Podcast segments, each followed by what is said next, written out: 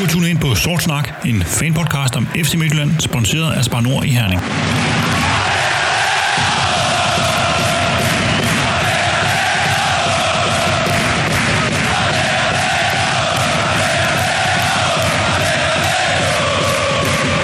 Velkommen til Sort Snak, fanpodcasten om regionshold, Danmarks nummer 1 og Herbstmeister FC Midtjylland.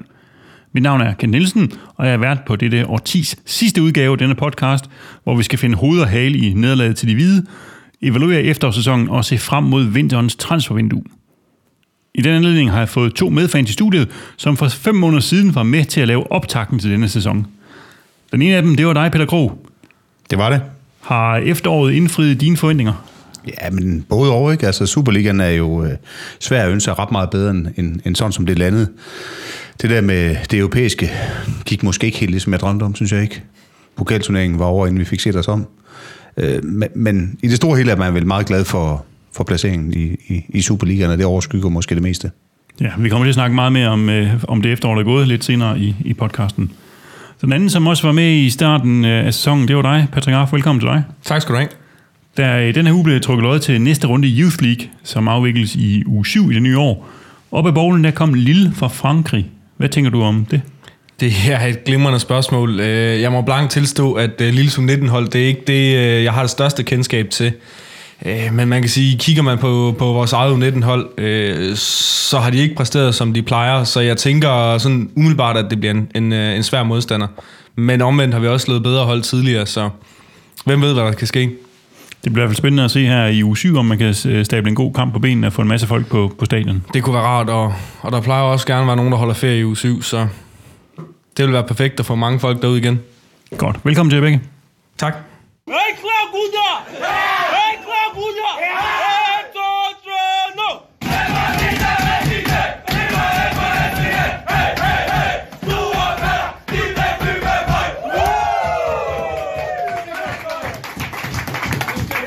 Søndag aften fik vi en ordentlig mavepuster, da AGF på 8 minutter scorede lige så mange mål, som vi har indkasseret på de første 11 Superliga-kampe i sæsonen.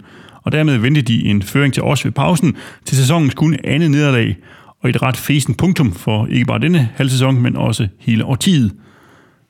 Hvad er det, der gik galt, Peter? Jeg synes måske, der gik flere ting galt. Øh, for det første, så synes jeg, at det virker som om, at der var noget usikkerhed, der forplantede sig med, med den der pludselige udskiftning på højre bakken.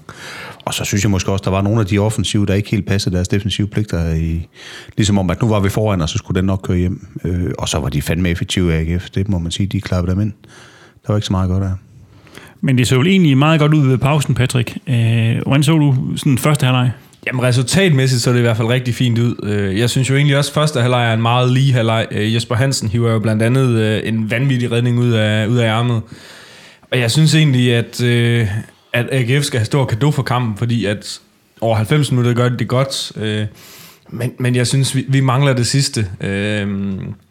Øh, Generelt i hele kampen, men også i første halvleg. Øh, Hvad, hvad mener du med det sidste? Altså, få den prikket over stregen? Jamen, jeg synes jo, øh, AGF kommer ud og ligner det hold, der vil vinde mest. Og, og det er jo egentlig det, vi skal være bedst til. Mm. Og jeg synes jo, den tænding, AGF kommer ud med, altså Bachmann, som redder en bold, øh, eller kommer ind med en takling og får den blokeret til et hjørnespark, jubler mere, end når de scorer.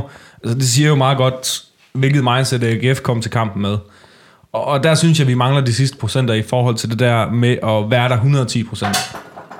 Jeg synes, det var en meget sådan urolig kamp i, i første lejr. Det var meget sådan omstilling på omstilling på omstilling. Jeg, jeg tænker, det måske var fordi, at, at begge, begge klubber manglede deres defensive anker, så, så der var ikke rigtig nogen til at ligge der foran forsvaret og beskytte Det tror jeg faktisk er en meget rigtig analyse. Altså, det var ligesom om, at der var noget, noget tryghed begge hold, der manglede øh, på en eller anden måde, og det, det tror jeg helt sikkert er, er for vores eget vedkommende. Det er fraværet af Frank, der gør det. Og så synes jeg også, at AGF har en tendens til at spille meget over ved, ved dyr Scholzen Scholz. Sad jeg over den side, hvor, øh, ja, hvor de var i anden leg, ikke? hvor det var meget markant, at, at det, det, det foregik hele tiden øh, derovre. Så det er som om, de havde luret en eller anden svaghed i vores øh, forsvar på det område. Ja, men de har Bundu i deres højre side, som er deres klart stærkeste våben offensivt, så, så det tror jeg ikke, øh, jeg vil tolke på det. Øh, Det er klart, har du Bundu, og specielt når man spiller så meget omstillingsbaseret fodbold, som AGF gjorde, jamen han er jo lyntog, altså han løber jo fra alle på banen, så selvfølgelig spiller man på ham. Det ville jeg også have gjort. øh, Og jeg, jeg tror ikke, det er noget, som... Altså selvfølgelig har de kigget på det, men jeg tror mere, det er, fordi at det er Bundu, de har i den side, at man bruger ham så meget. Men Munchsgaard har også været ude af i talesæt, at de havde luret, at der var plads på, på siden af vores offensive kanter der. Så, så det er jo ikke, i hvert fald ikke nogen tilfældighed over i hans side, at der har det i hvert fald været talsæt, at der kunne blive plads. Og det er sikkert også en af grundene til, at de, at de skaber så meget af den side, som de gør. Ikke? Men det lykkedes så hen mod øh, efter 35 minutter at lave en øh, ganske fremragende scoring, altså flot scoring af godt sat op af Kabar og flot plukket ind af, af, af med billeder. der tænker man vel, okay, øh, det var det, nu havde vi lidt frem og tilbage, og nu sætter vi os på det, og, og, og nu, får, nu vinder vi. Det var lidt den følelse, man stod med, og den forhåbning. Men jeg synes også, at kampen havde været så tæt og bølget så meget frem og tilbage, at jeg tænkte, jamen det, det kan sgu gå begge veje øh, her resten af, øh, af første halvleg. Men jeg stod også i pausen og tænkte, at nu får vi lige styr på den defensiv og, og komme ud til anden halvleg og køre den her hjem, hvor, og gøre det til en lidt mindre kaotisk og lidt mindre urolig kamp. Og øh, den tanke, den holdt øh, ikke mange sekunder, før at øh, jeg kunne sende en hvid pil efter den, fordi hvad var det gået? 50 sekunder? Ja, 30 tror jeg nærmest. Ja, altså, og så står der 1-1, altså, og man kunne bare se, AGF kom ud med en helt anden tænding til anden halvleg. Øh, og det var lidt som om, at de gik ud med, med tanken om, at jamen, vi er bagud nu, om vi taber 2-0 eller hvad vi gør, det er jo sådan set lige meget. Nu skal vi bare ud og jagte, hvad vi, hvad vi kan få med her. Og jo, og så kan man sige, så bliver de, altså, de får trukket noget over i vores højre side, så der bliver plads i venstre på den, de scorer. Og så kan man sige, den der med Andersen altså, til deres 2-1-scoring, øh, hele afleveringen der ind i banen, altså hvad fanden foregår der lige der, ikke? Altså, Men det, det er vel en offensiv spiller, som er kommet ned i det defensive område, ikke? og derfor Jo, jo, tænker man, at jeg skal der- beholde bolden. Og, og Men så, det er det jo også ja. ved 1-1, hvor Eva han glemmer at, at følge hans bakken Ja, ja. ned, altså, Præcis. hvor han lige pludselig har to tønder land, og han har et fantastisk sparkkast på højre, så selvfølgelig hakker han på kassen der, at man så kan... Jeg tror, den var gået forbi, hvis jeg ikke Erik ikke havde rørt det var den. Det var den. Det er jo så, hvad det er. Altså, det, det sker en gang imellem. Men, men det er jo fordi, noget af det, vi, der har kendetegnet os hele sæsonen, jamen, det er jo, at alle yder 110 procent. Og i hvert fald i 1-1-målet er fordi, at vi lige slækker lidt på at, at tage det sidste løb ned. Og specielt når det er Paulinho, der spiller højre bakken, som er alt andet end højre bak. Øh, det er ikke på nogen måde et mål, der kan klandre sammen, men der skal Eva altså lige tænke et skridt længere frem og tænke, jeg er nødt til at komme ned og hjælpe her. Så der, der var nogle, som vi snakker om, nogle store individuelle fejl i forbindelse med de her på scoringer. Ikke? Du har øh, Erik, der laver et, et selvmål, øh, og vi har ja, Michael Andersens øh, helclearing der, som, som heller ikke er særlig godt ting. Ja, så er man lidt kynisk, så kan man jo også sige, at Vanda bare skal lægge Bundo ned. Altså, træk det gule kort. Ja, det skal han gøre på altså, midterlinjen, Han skal ikke? gøre det på Ja, ja. midterlinjen. Men det prøver, det prøver han vel på, han kan bare ikke Nej, fange han, ham. nej, han prøver ikke på at lægge ham ned. Han prøver på at lave den der glidende taktik, som han har haft succes med Præcis, tidligere. han, han løber med ham, og han, løb, eller han løber, løber egentlig på ydersiden, helt på den forkerte side af ham. Altså ja. allerede der vil jeg jo tænke, ja. jeg er på den forkerte side af AGF's hurtigste og bedste spiller. Jeg skal have ham hernede og ligge. Ja. Hiv ham i trøje, trøjen, hoppe om halsen af ham, eller et eller andet, bare få ham ned og ligge. Det gule kort har i hvert fald været bedre end nogle af de andre, han fik. ja, det havde det. Men det, jeg synes også var en markant, det var, at i den periode der, hvor de lavede de tre mål på 8 minutter, en ting er, at det var jo fuldstændig vanvittigt, det lykkedes for dem, men jeg synes også, at vi måske for første gang i sæsonen ser et rystet hold. Vi var shaky. De der 10 minutter, der, der var vi shaky. Det er helt sikkert. Ja, det, det lignede, at der manglede lederskab derinde lige pludselig. Ja. Og det var ikke som om, at Og, og det, der var nogen, der kunne tage nej, fat og i det forplantede sig faktisk hele vejen op igennem holdet. Altså, i, Jens Lys og, og Evander kunne faktisk heller ikke ramme nogen lige i de der 5-10 minutter. Der. Altså, det, var, det forplantede sig faktisk øh, skræmmende hurtigt øh, hele vejen op igennem holdet. Ja, og, og, og, vi gav flere sådan chancer Ja, væk, ikke? Hvor, hvor man tænker, det her det kan gå helt galt, altså, hvor, hvor det så ud som, vi overhovedet ikke var kommet ud fra pausen, og, og, og den der usikkerhed, ligesom via de personlige fejl, måske breder sig, som, som du siger, Peter, ikke? Og, og, og der synes jeg, altså, det, det er længe siden, jeg har set vores defensiv øh, se sådan derud, ikke? Og være sådan fuldstændig famlende, når vi, vi er sådan groggy, altså på, på kanten af, af Ja, knockout. og, og, altså, vi mangler Frank til at være balancespilleren, men jeg synes jo egentlig, Jens, han spiller en god kamp. Men, Han, spillede i hvert fald en god første halvleg. ja, Ja. jeg synes også, han var okay i anden halvleg. Det er klart, billedet bliver sådan lidt skimmet af, at vi lukker tre ind på så Ja. kort tid. Men at vi mangler Frank, som før sæsonen var spilleren, man sådan lige satte ind, hvor der var hul, i, hul på, på holdet, det burde altså ikke at kunne, kunne gøre så meget. Øh, der, savner jeg sgu lidt øh, noget disciplin, og at der er en eller anden, der lige, lige går ind og, og hiver op i holdet og siger, nu smadrer jeg en eller anden ned, og så viser jeg kraftet med lige, hvor skabet skal stå. En af de ting, vi snakkede om inden kampen, det var, at vi var klar over, at Frank havde karantæne, så, så der skulle en afløser ind, og det skulle så enten være Sparv eller Kajuste, var vores analyse. Nu bliver det, nu bliver det øh, Kajuste. Hvorfor tror du, man valgte ham i stedet for Sparv, Peter? Jeg tror, man valgte ham på grund af, at der er lidt mere tempo i benene, og måske også lidt mere kampform på en eller anden måde, øh, end Spar. Men jeg tror primært, at han bliver valgt på, på grund af, at der er lidt mere speed, og lidt mere fremadrettet. Lige præcis, fordi at vi, vi ser flere eksempler på, hvad han kan, Jens. Altså, der, jeg kan huske, hvor han kommer til afslutningen i første halvleg, hvor han modtager den øh, midt på egen banehalvdel og vinder på, øh, på en AGF'er, og sætter i hele AGF's første pres, og kører direkte mod mål og kommer til en fornuftig afslutning. det havde vi ikke set Tim Spar gøre. Øh, defensivt havde, havde Spar måske været lidt det anker, vi manglede de første 10 minutter. Men i min verden var det en no-brainer, at øh, altså, jeg, jeg synes også, det var Jens Lys, der skulle spille, øh, spille 6'eren mod AGF. Og en anden udskiftning, som vi også har snakket lidt om, det var, at øh, Jol han jo desværre blev, blev syg op til, til kampen, og derfor så var det så Paulinho, der skulle over og spille den der højre bak. Hvordan klarede han det, Peter? På en skala fra 1 til 2, der er det da i hvert fald netter. øh, jeg synes måske, jeg har set bedre højrebak præstationer end det der. Og jeg tror også, at man vil have valgt den anden, øh, hvis man har haft lidt bedre tid til at tænke sig om. Eller har haft mulighed for det. Ja, det, det tænker jeg også. Og ja. havde Jol, altså man vidste, Jol ville være ude hele ugen, så er der ikke et sekund i tvivl om, at Spar havde spillet sekserne, Slys havde ude på højre bakken. Ja. Men når Jol ligger så syg dagen inden kamp, eller på kampdagen, så er det for mange ting, der skal så, til at ændre i det kampoplæg, Så er det også har. meget, man skal Ja. til at ændre lige pludselig. Ja. Og, og Jens har forberedt sig på at skulle spille ind centralt. Og skal lige pludselig til at, at, at forholde sig til noget nyt.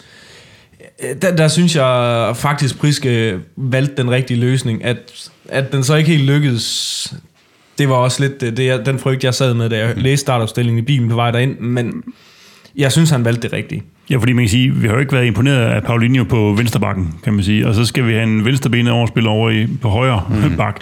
Altså, jeg tænkte også, da jeg så det, shit, det her, det, det er Ja. jo ikke, øh, det er en, en markant svækkelse, det her. Ja, ikke? men det Altså, tror jeg, vi alle sammen tænkte, at det der, det var fandme ikke optimalt.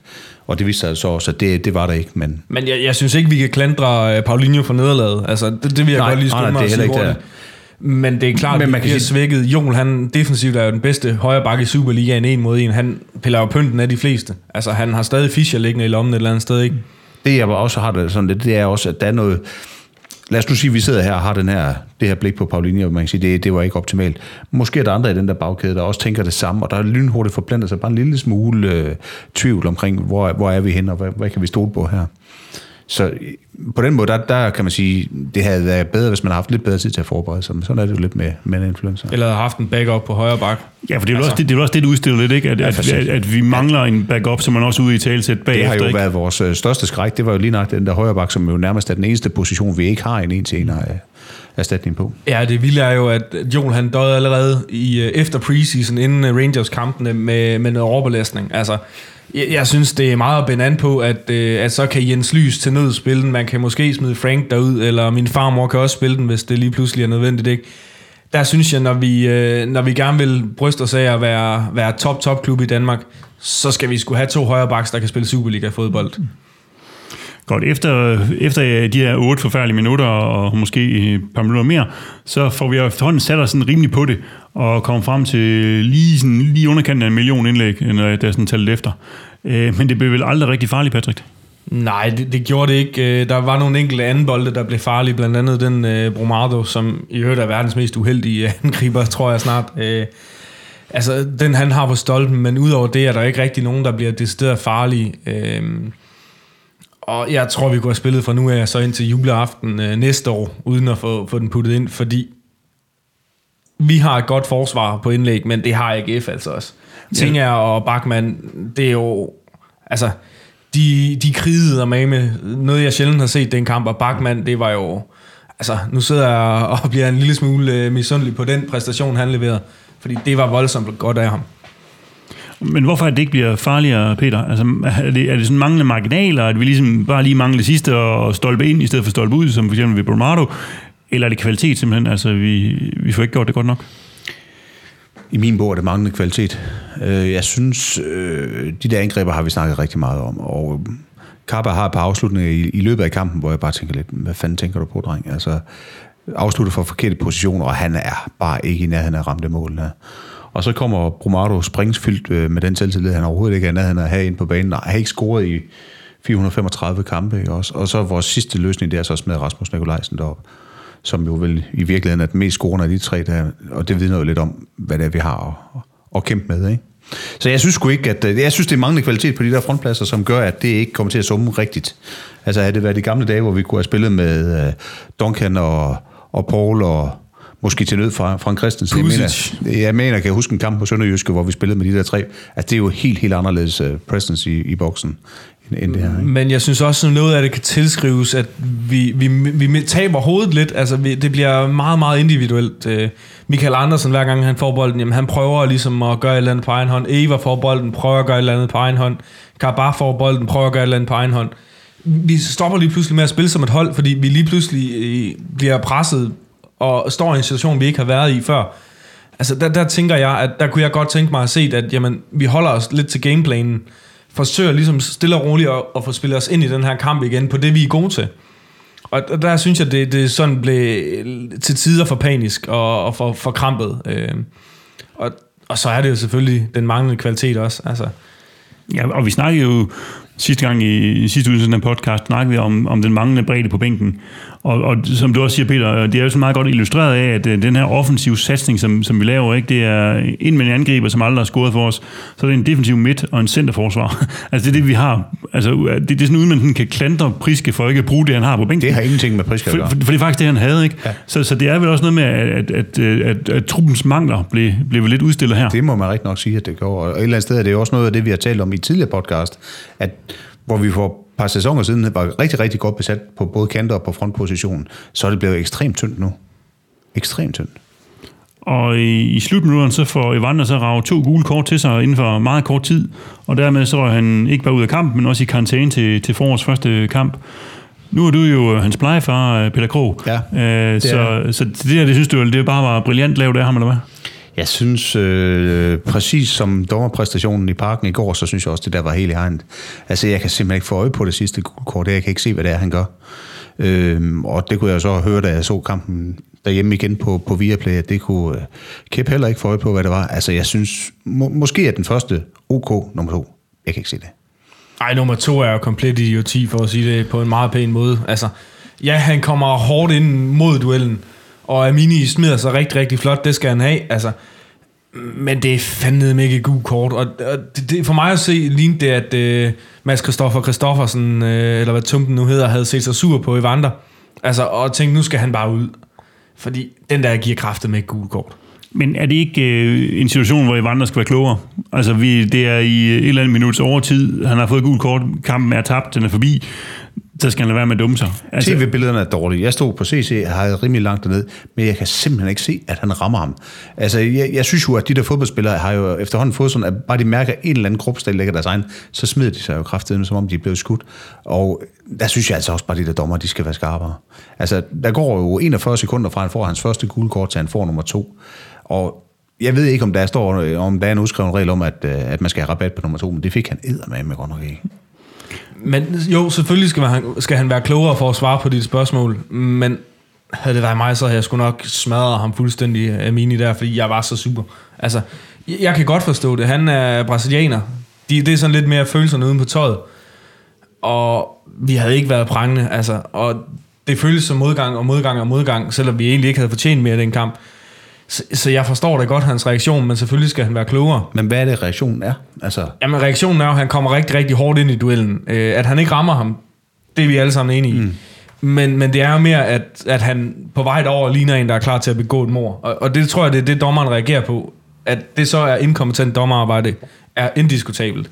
Men han ligner en på vej over. Altså, jeg kan huske, at jeg tænker, at han løber over, og nu gør han et eller andet dumt. Det gjorde han så ikke, men han lignede bare en, og det har åbenbart været nok.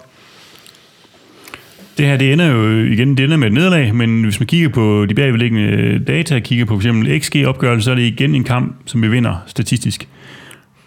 Kan vi bruge det til noget som helst, Patrick? Ikke en skid. Altså, længere er den ikke. Fodbold bliver spillet på banen, ikke på et eller andet åndssvagt stykke papir. Øh, det er rart nok at kunne sidde og klappe sig selv på skulderen med det bagefter.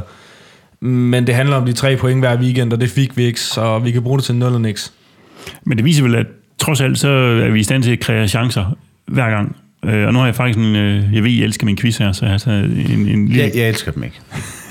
jeg, tager, jeg har ingen kommentar. Fordi hvis vi tager alle, alle kampene i Superligaen, vi har spillet i det her efterår, hvor mange af dem har vi tabt på XG? 0. Dit bud er 0, Peter. Hvad vi, vi var ikke ret gode offensivt under kendt til at starte med. Men jeg tror ikke, det er et dårligt bud. Øh, men bare for ikke at sige det samme som Peter Krog, så siger jeg 2. Og så kan vi tage gennemsnittet 1. Ja. Vi, vi tabte en kamp på XG, det var den over i parken. Øh, vi taber på Hvor XG. vi spiller 0-0 Ja. og bliver snydt otte gange. Ja, den taber vi på XG, fordi at vi har de fleste chancer, men, men København har de største i den, øh, i den kamp. Ikke? De har nogle store nogle. Men, men ellers har vi jo alle andre kampe altså vundet dem. Nogle af dem har det selvfølgelig været marginalt, men vi har faktisk haft mere XG end, end de andre. Der kan man selvfølgelig sige, ud fra den bagvedliggende tankegang ligger i det, jamen, så sætter vi os i en position, hvis vi gør det, jamen, så vinder vi mange kampe, og det har vi også gjort. Øh, Så det viser vel det der med, at vi, vi er i stand til at, at skabe chancerne og, og holde de andre for chancer. Og for, for, set over en halv sæson eller over en hel sæson, så er det selvfølgelig noget sandsynlighedsberegning, der gør, at, at den vil bonge ud til vores fordel. Klart. Men der er jo også den, altså nu, nu sidder jeg ikke med de specifikke tal, men kvæg vores defensive magtdemonstration, øh, præstation her i efteråret, jamen, så tænker jeg også, at den har ikke været ret høj, øh, og det betyder også, at vi skal ikke have skabt specielt mange chancer for at vinde XG. Så, så den lille øh, ting er vi nødt til at have med i ligningen, før jeg synes, det er brugbart. Altså vi siger sådan rent XG-mæssigt, der hvor vi præsterede bedst offensivt, det var jo naturligvis i efteråret 17 med, ja. med, med Sørlotte og Paul, der, der bare bumpede, ikke, hvor, vi, hvor vi lå helt vanvittigt højt i det. Ja. Og så højt, så højt ligger vi ikke, vi ligger faktisk cirka lige så højt, som vi gjorde sidste efterår også mm. øh, i XG-mæssigt. Der vandt vi noget større sejre. Der havde vi måske også mere træfsikre offensive spillere, kan, Kan man kan man sige. Ikke? Øh, men, men vores defensiv øh, ligger på, på, på et rigtig fint niveau også, ikke? Altså. Ja. ja. Men nu ender det så med, at øh, vi taber kampen. Øh, vi havde før kampen 7 points forspring til FCK. Øh, vi taber, de vinder. Øh, så de her 7 points forspring, som jo, jeg synes i en periode har lugtet af, det godt kunne blive 10, de ender så med at være 4 her til vinterpausen. Hvad betyder det sådan for, øh, for guldchancerne, Peter? Jamen, det betyder vel en lille smule, ikke? Altså, de kommer jo trods alt lidt tættere på os, og så er der jo også altid den der med øh, et øh, indkøbsvindue, et, et, et transfervindue til Ståle, hvor man ikke rigtig ved, hvor meget Shopaholic han kan nå at, at gå. Altså, jeg ved godt, de har europæisk, de skal tage hensyn til også, men selvfølgelig kommer de tættere på. Og så, ja, jo, det, det, det vil jeg vurdere, at det, selvfølgelig er chancerne blevet mindre for, for guld, ikke? Hvor meget vurderer du, det rokker ved det, Patrick? Er det sådan, fordi det er selvfølgelig bare én kamp, kan man sige, eller én spillerunde, med, øh, men er det nok til, at man siger, hov, nu ser det skidt ud? Jeg, jeg hører, jeg så nogle eksperter i går, der sådan, "Ah, nu er det FCK, der er mester, vi tror på, at de tager den, ikke? Hvor de for en uge siden, så var det... eksperterne på, om FCK var- er på- starter på minus 3.000 point hver, hver sæson, så tror jeg, eksperterne er stadig det er FCK, der vinder. Så, så eksperterne kan jeg bruge til lige nøjagtigt 0 og niks, og deres udtalelser rager mig en høstblomst. Når det så er sagt, så, så tror jeg sgu, altså helt seriøst, jeg tror ikke, det gør ret meget ved det. Fordi det handler om mindsetet. Øh, havde vi været sikre noget, hvis vi havde 7 point foran? Nej. Er vi sikre noget, når vi er 4 point foran? Nej. Altså, Ja, ja, helt seriøst, jeg tror ikke, det, det gør ret meget. Øh, Jeg, det, jeg håber, det kan gøre, det er, at man tænker, okay, og det er fra den sportslige ledelse side, jeg tænker, sidder og snakker her nu, at okay, nu, nu er forspringet kun 4 point, så vi er måske nødt til at lige at gøre lidt ekstra, end vi reelt havde planlagt. Altså, og at vi Præcis, så og den kan vil, jeg gerne, den vil jeg gerne positivt. bakke op omkring den der, fordi man kan sige, med syv point, eller hvis det havde været mere, så kunne man sagtens have, have forestillet sig en Svend Graves og, Grausen og en, en Claus Steinlein, der lænede sig tilbage og sagde, det her det går fint.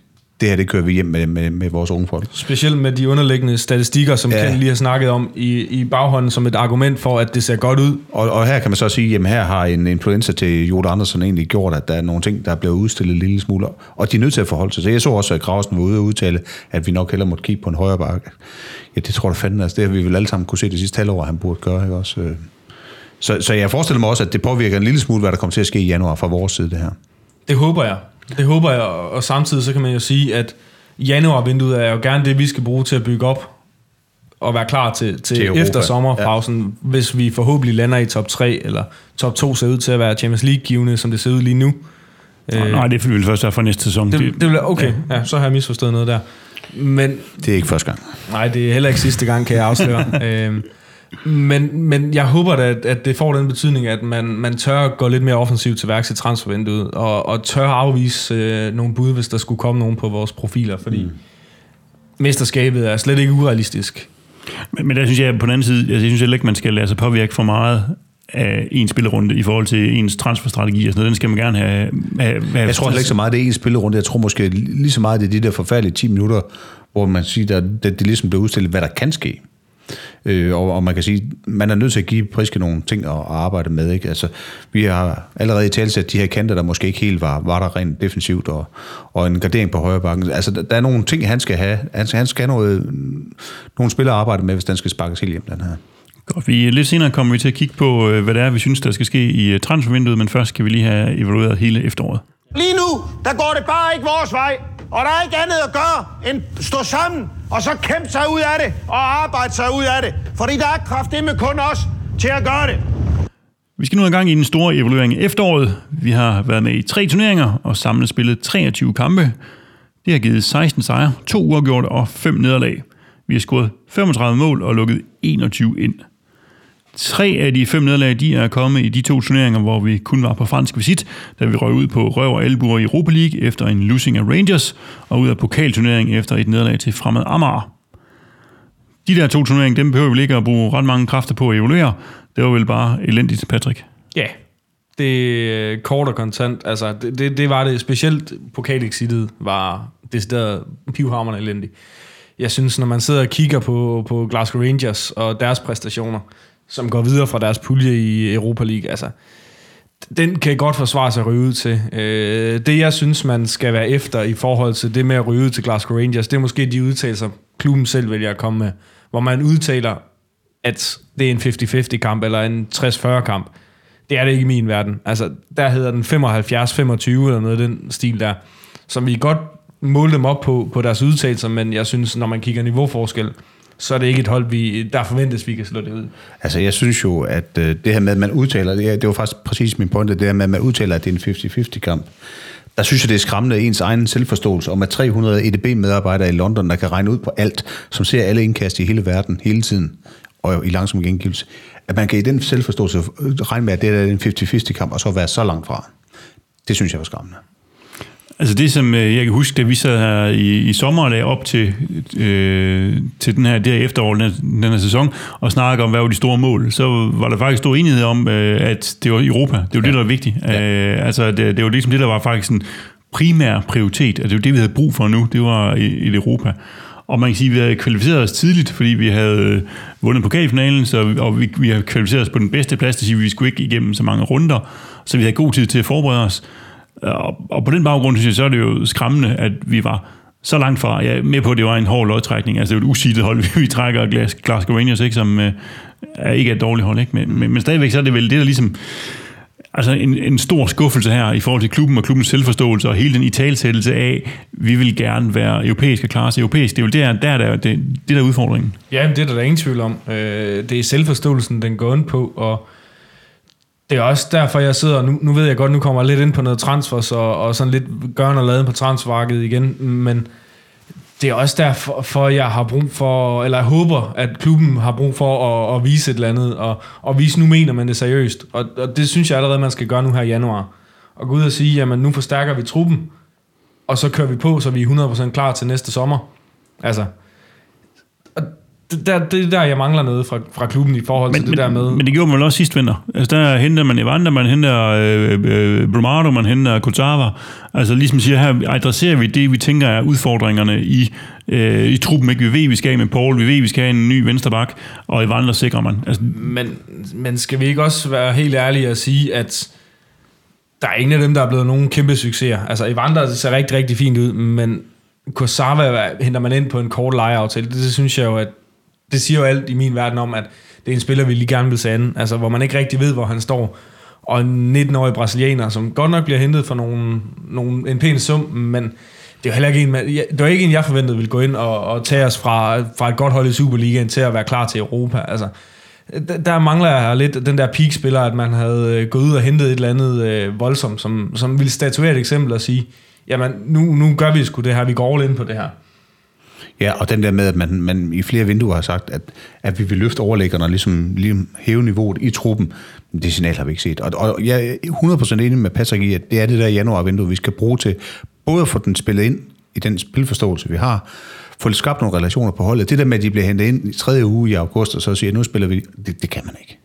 Men, og nu snakker du om, Patrick, du synes, du synes faktisk, det var værst med, med pokalen. Hvor, mm. hvor jeg har lidt sådan den anden vej rundt. Jeg synes, pokalen, det var en kalkuleret risiko. Og det er den risiko, som alle klubber løber i de første runder. De stiller med, med et halvt reservehold, så satser man på, at det går. Og nogle gange så er man øh, heldig at vinde i en straffesparkskonkurrence, eller i forlænget spilletid, som nogen er.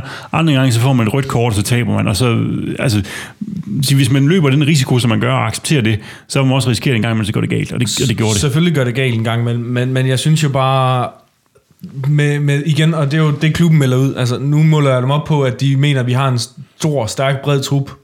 Altså, når man så stiller med, hvad, hvad havde vi skiftet ud fra kampen, Superliga-kampen for inden, var det fire eller fem spillere? En håndfuld, tror jeg. Ja. ja.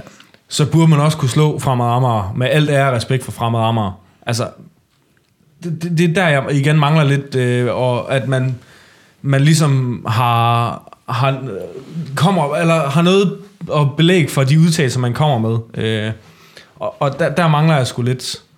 Og pokalen er jo fedt, altså. Jamen, jeg, I, I, ved jo godt, at jeg er ikke den store fan af pokalturneringen. Jeg synes, det eneste, der er noget ved pokalturneringen, det er at vinde den. Resten er lort. Ikke? Så jeg, Man jeg skal vil, også videre for at vinde den, Jamen, jeg man vil hellere ryge ud til Fremad Amager øh, i første runde, vi er med i, end jeg vil tabe pokalfinalen. Det giver Ja, også meget mere mening. Altså, sådan, så, altså, sådan har jeg det. Altså, øh, og, og det, så ved jeg godt, Glenn han plejer at kalde mig en taberfan, og jeg siger, men sådan har, så gider jeg ikke bruge kræfter på en turnering, medmindre man, man vinder den. Øh, og, og, så, så, for mig er det egentlig i Men det er jo princippet... ikke derfor, jeg kalder dig en taberfan. Det er bare, fordi du er en taber. Men, men så, så jeg, har det der, jeg synes, det er helt fint at sige, at vi spiller med reserverne, går det, så går det, går det ikke. Mm. So be it, så, så er det en kalkuleret risiko, og vi skal have noget spilletid til de her folk, der skal gøre os klar, og vi skal spare de andre. Øh, For mig er Superligaen så meget mere vigtig. Ja, det er end- end. Og, og, og så jeg for, i, i, de her skuffelser, i de her to øh, pokalturneringer, der vil jeg så også sige, at, at Europa var også det værste for mig. For jeg synes bare, at det der med, at man havde en, en selvopfattelse af, at man var tæt på, og så var man så langt fra. Det, det synes jeg var meget, meget værre. Mm. Og jeg, jeg siger bare mål på modstanderen. Mm-hmm. Så er nederlaget til Fremad Amager, det er større for mig, end det er i et, et samlet nederlag mod Glasgow Rangers. Ja, men det er det, og men man kan sige, Glasgow Rangers var jo også sådan lidt en slumrende kæmpe på en eller anden måde, men det er jo et hold, man skal forbi, hvis man vil noget. Selvfølgelig altså, er det det. det. er jo ikke sådan noget, man kan sige, jamen de var også mega gode, og det var... Det, så, det skal man forvente i den der turnering. Selvfølgelig, og det er vi gode hold, helt man enige i. Og jeg er da også mest skuffet over, at vi er røget ud af, af Europa. Ja. Men, men jeg er mest skuffet over, at vi, eller, at vi taber til, øh, til Amager. Altså, det, kan, det burde ikke kunne ske, men det burde kunne ske, at man tabte til Glasgow Rangers. Godt. Den her, de her turneringer, som vi virkelig bruger ret mange kræfter på, der vil vi godt høre, der lå stadigvæk lidt øh, frustration og lidt øh, energi. Det kan bringes frem. Øh, det kan godt øh, komme op til overfladen. Ja. Så nu vender vi i stedet for blikket til den turnering, vi stadigvæk er med i, øh, endda også øh, godt og vel. Det er nemlig Superligaen. Der har vi hentet 50 point efter 16 sejre, to uafgjort og to nederlag i øh, 20 kampe. Det giver et øh, pointsnit på 2,5, og det er det højeste pointsnit, vi nogensinde har haft efter 20 kampe, og det næsthøjeste nogensinde i Superligaen. Det placerer os på førstepladsen, fire point foran FCK, som vi har sagt tidligere. Hvordan har du set på efteråret i Superligaen, Patrick? Jamen, den, den kan jo deles op på mange måder, men overordnet set, når skuffelsen fra, fra AGF-kampen har lagt sig, så har det jo været fantastisk efterår.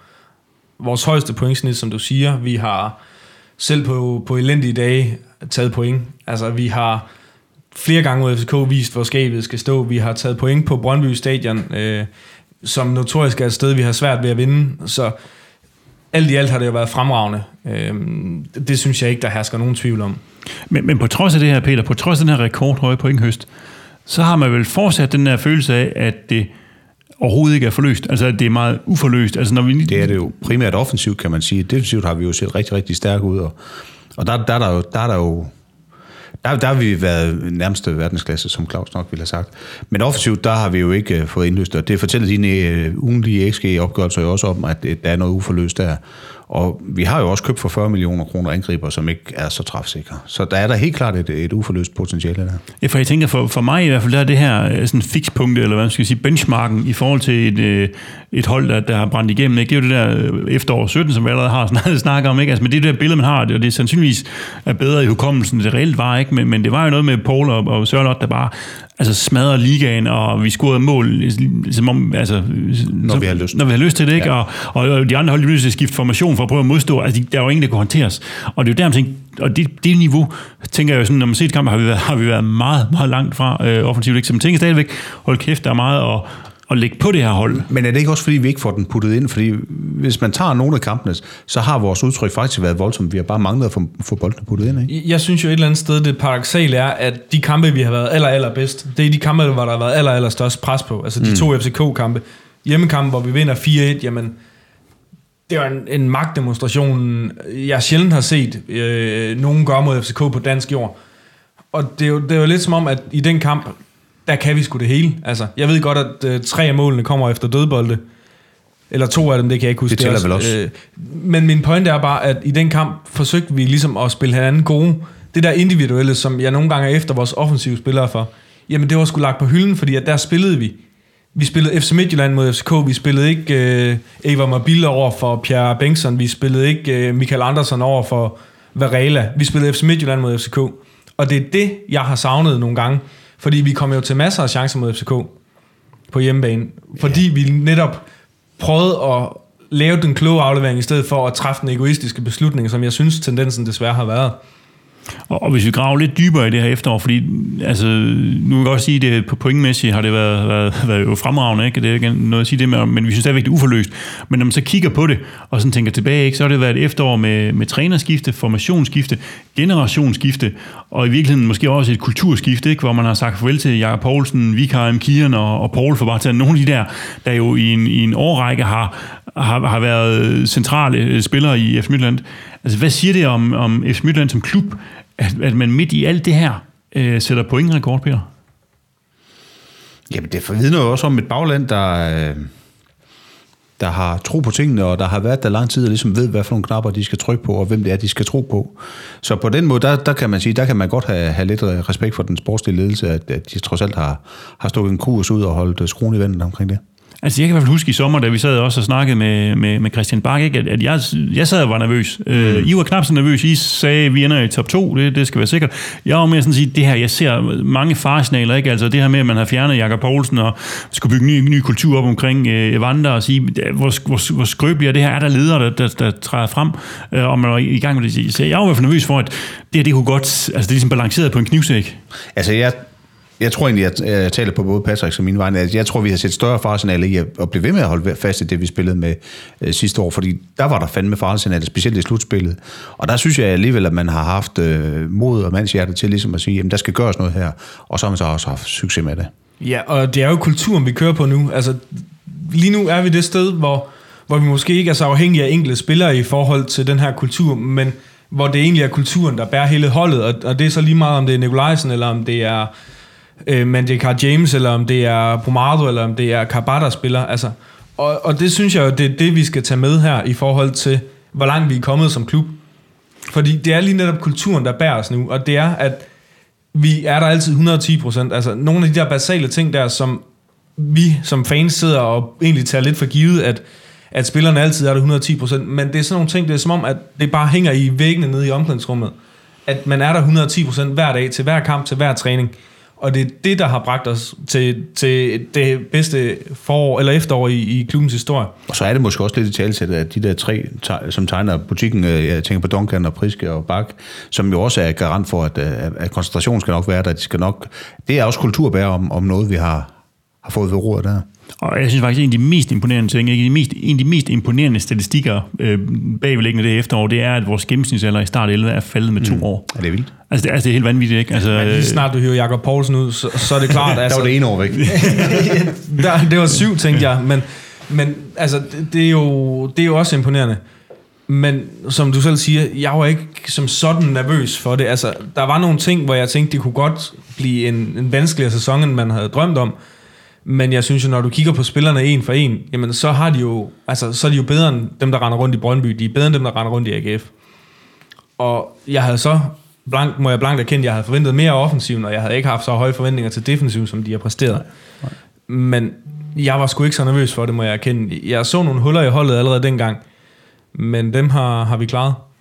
Ja, fordi man kan sige, at man har en Nikolaj Styr løven rundt på en bak, man har en Mikkel Andersen løven øh, øh, foran ham, ikke? Man har, ja. altså, det første udskifter er Gustav Isaksen, altså det er jo mange unge spillere, ikke? Altså, som, som vi har, har, har bragt i spil, som, som vi før sæsonen i hvert fald ville stille store spørgsmålstegn. Der var ikke nogen, der vidste, hvem Nikolaj Styr var øh, før sæsonen, mere eller mindre, ikke? Altså i hvert fald ikke dem, der ikke følger U19-fodbold, øh, kan man sige. Ikke? Så, så, så det, på den måde er det, jo, er det jo øh, fantastisk. Ikke? Men hvis jeg lige må komme med, med en ting her, som jeg lige sidder, hvor det går op for mig, at at truppen er jo egentlig heller ikke, altså, og det er jo kæmpe kado til trænerteamet det her, fordi truppen er jo egentlig ikke gearet til, den, det, til det spilsystem, vi spiller nu. Den er jo egentlig designet til at spille den der øh, 3-5-2, 5-3-2, eller hvad, hvad vi nu kalder den. Kent Andersens system. Kent Andersens system, ja, det som han ændrede over til. Og, og der synes jeg jo, at der skal lyde kæmpe kado til trænerteamet, men også til spillerne, for at være omstillingsparate. Men, men til spillertruppen for ligesom at, selvom der er nogle huller, at så en Michael Andersen har præsteret, som han har gjort, at en Eva har præsteret, som han trods alt har gjort. Altså, det, det, det skal der lyde kado til, og det havde jeg måske ikke set komme. Men hvor meget betyder det, det her trænerskifte, som også var, var, var meget markant? Altså, fordi man kan jo godt sætte en streg i sandet og sige, øh, jamen det blev bedre efter Priske. Det kan vi se på nogle af de underliggende parametre, og sige, hvor, altså, hvor vi må under kende stadigvæk fik, øh, havde resultaterne, men øh, de underliggende data var ikke så gode, så de efter Priske kom til at blive meget bedre, de underliggende data. Men jeg kan også sætte den samme streg sidste år og sige, da vi røg, på cirka samme tidspunkt, da vi røg, røg ud i Europa, så spiller vi godt. Og for året før igen, hvor, hvor det her øh, billede, vi har haft af FC Midtjylland med, at vi er ikke gode i juli og august, men vi topper i øh, oktober-november. Det har været billedet de sidste tre sæsoner. Øh, og det er jo det, det, det, er så, det, der er et problem, øh, fordi vi er ikke gode, når det gælder i, mm. i august. Men, men hvor meget af det her, tænker du, det er priske, og hvor meget er det den her efterårseffekt øh, af Midtjylland, vi får spillet holdet sammen, vi får ro, og, og så fungerer det. Altså, hvis du læser det i de her underliggende data, som du godt kan lide, så synes jeg, jeg læser det lidt i det, jeg oplevede, når jeg var på træningsbanen, at der har været et lidt anderledes fokuseret koncentration omkring de enkelte ting, uden det egentlig at gå ud over hverken humøret, eller stemningen, eller gejsten. Og så synes jeg måske, at... Øh, at måske han bedre, har han været bedre til at talesætte over for den enkelte, hvad det, hvad det var, han forventede af dem. Øh, Så, så jeg er helt sikker på, at, at, at Priske har en kæmpe aktie i det her. Øh, I hvert fald i forhold til det mentale, vil jeg sige. Fordi, ja. altså uden at skulle fornærme nogen, så vil jeg sige, det fodbold, jeg så under Kent Andersen, er det kedeligste, jeg nogensinde har set i Midtjylland. Altså, det, det, det var simpelthen til tider forfærdeligt at kigge på, fordi nu at... har du glemt Allan Kuhn, tror jeg. Men okay. øh, nej, men der var truppen måske også lidt en anden, end den var, øh, end den trup Kent havde. Fordi jeg synes jo, det fodbold, vi prøvede at spille, jamen, den der berømte FCM, FCM-DNA, jamen, det, det, kunne, det kunne jeg væk. altså ikke se. Den var nærmest Øh, væk. Det, det var den nemlig. Ja. Og jeg synes jo, øh, jeg kender er en fantastisk fyr, Ja. men, men han er lidt en ungdomstræner. Altså, Og et eller andet sted kan man sige, den der, øh, hvad hedder det, det, FCM-DNA, var jo også væk lidt på træningsbanen. Det blev fandme noget, en tør kiks, vi var nede og kigge på, når vi var der. Det, det gjorde det en gang ja. imellem, og, og jeg synes jo, det der, som jeg synes, Glenn var fantastisk til, jeg synes, Priske er fantastisk til, det der med at stille krav til spillerne, mm. det manglede jeg altså lidt under kendt. Af tydelighed. En tydelighed i, at ja. det er sådan her, vi gør. Kan du ikke rette dig ind under, hvordan jeg gerne vil have det? Jamen, så kan du sidde på tribunen.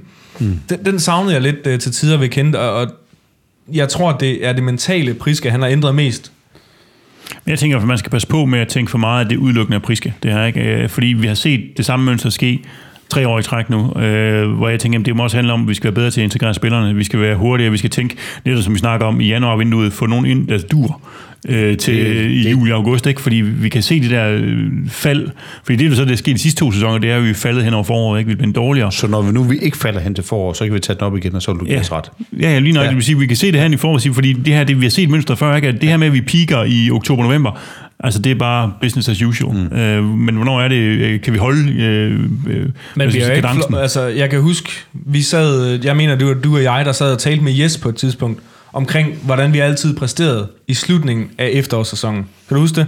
Ja. Hvor vi, øh, hvor vi havde fundet nogle tal på, at jeg mener, det var de sidste 4-6 kampe, der var vi altid pisse lort, for at sige det pænt. Altså, og, siden, vi- og den tager jeg på vores kappe, den her. Ja, det, det er vores skyld, at nu Ja. det har fungeret de sidste Fordi tre år. siden vi har snakket med, med Jes om det, jamen, der er det ligesom om, at nu har vi egentlig præsteret på et rigtig, rigtig højt niveau, indtil vi gik på julepause.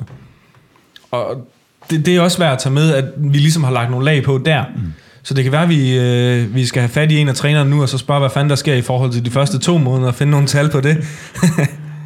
Godt, men hvad vil, øh, hvad vil I huske efteråret 2019 for, når vi nu skal, nu sidder vi og snakker smukt om efteråret 2017, og husker, hvordan det var. Når vi nu skal se tilbage på, på, på 19, hvad er det så, der har været, hvad har været, været det markante her, Peter?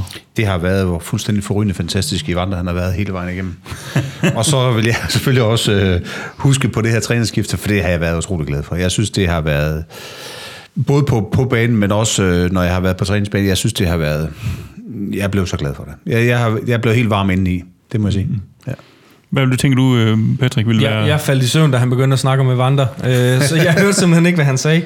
Nej, øh, jeg, jeg synes, øh, noget af det, jeg tager med, det er kvaliteten på akademiet. Altså, vi har længe snakket om, nu skal vi bringe spillere ind, vi skal have x antal minutter, øh, spilminutter produceret af akademiet. Og under Jes til sidst og under Kenneth, jeg ved godt, at der røg nogle af, af de bedste akademispillere, som var, eller nogle af de bedste spillere, som var kommet gennem akademiet. Men Priske er simpelthen tur at give dem chancen. Altså, han kaster dyr ind som noget af det første, han gør. Det, det er jeg ikke sikker på, at vi havde set under nogle af de andre trænere.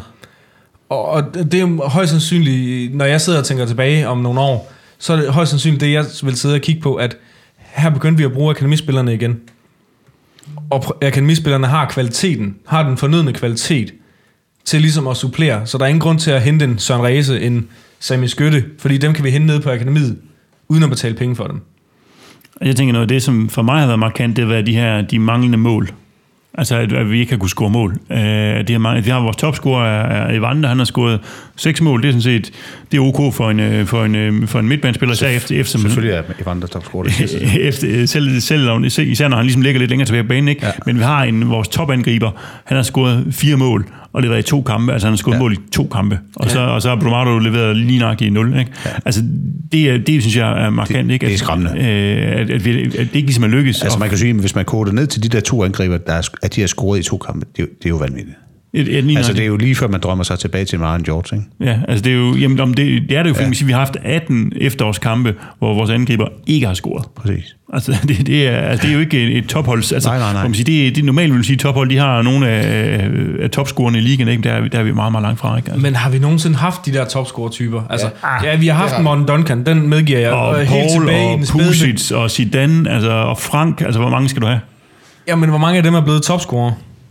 Hvor mange af dem har skåret mere end, øh, i mere end to kampe på et efterår? Det, Altså, det, det kan jeg godt hurtigt, øh, uden at undersøge det, fortælle dig. Det er mere end, øh, mere end en i hvert fald. Øh, men min pointe er bare, at det har ikke altid... Altså, I den sæson, hvor vi vinder mesterskabet sidst, jamen der er det jo også stødboldene, vi, vi brænder det op omkring. Nu er det, at målene ikke kommer fra angriberne, men de kommer andet sted fra. Bevares. Ikke, ikke mange og ikke nok, men de kommer andet sted fra. Jeg vil begynde at blive bange, hvis målene slet ikke begyndte at, altså hvis de slet ikke dukkede op. Jeg, jeg tror stadig på, at, at uh, Kabar, han nok skal bryde igennem, og jeg tror også på, at når Lasse Vibe kommer ind nu her, jamen, så er Bromado og Kabar, de er nødt til at være endnu bedre. Fordi ellers så spiller Lasse Vibe, og Lasse Vibe er en notorisk målscorer. Jeg ved godt, han har ikke scoret meget på det sidste, men han kan stadig score målene. Men, men jeg sad, jeg sad, da jeg sad og forberedte det her, så sad jeg og kiggede tilbage på sidste efterår, ikke? Og her, hvor jeg sagde i starten, hvor mange mål vi har scoret. Vi har scoret nogle 30 i den her sæson. Sidst, eller efterår, sidste efterår scorede vi over 60 mål. Mm.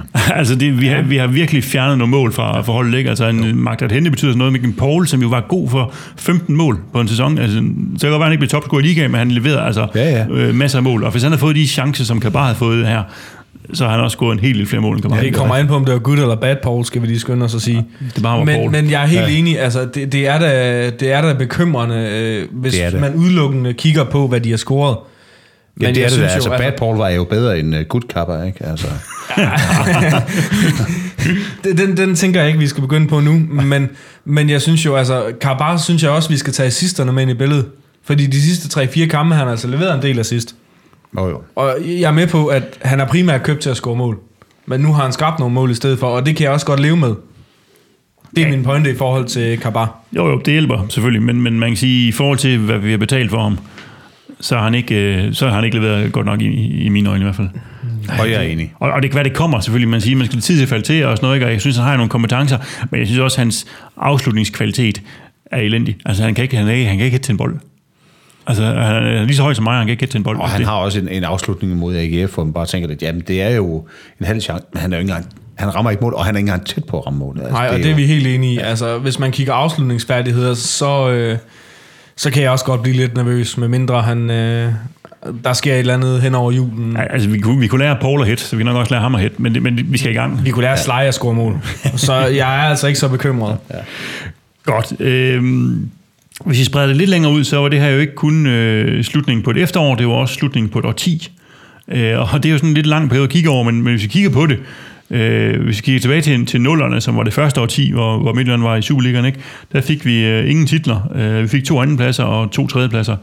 Her i tierne, der har vi fået to mesterskaber, en pokaltitel, et Europa League gruppespil, øh, en andenplads og tre tredjepladser. Øh, og vi ligger faktisk med det næstbedste pointgennemsnit i ligaen over 10 år. Øh, hvor man siger, at FCK ligger med et pointsnit på 2,07, hvor vi ligger på et med 1,83, og på tredjepladsen ligger Brøndby med 1,58. Så vi er lige så meget foran Brøndby, som FCK er foran os, kan man sige.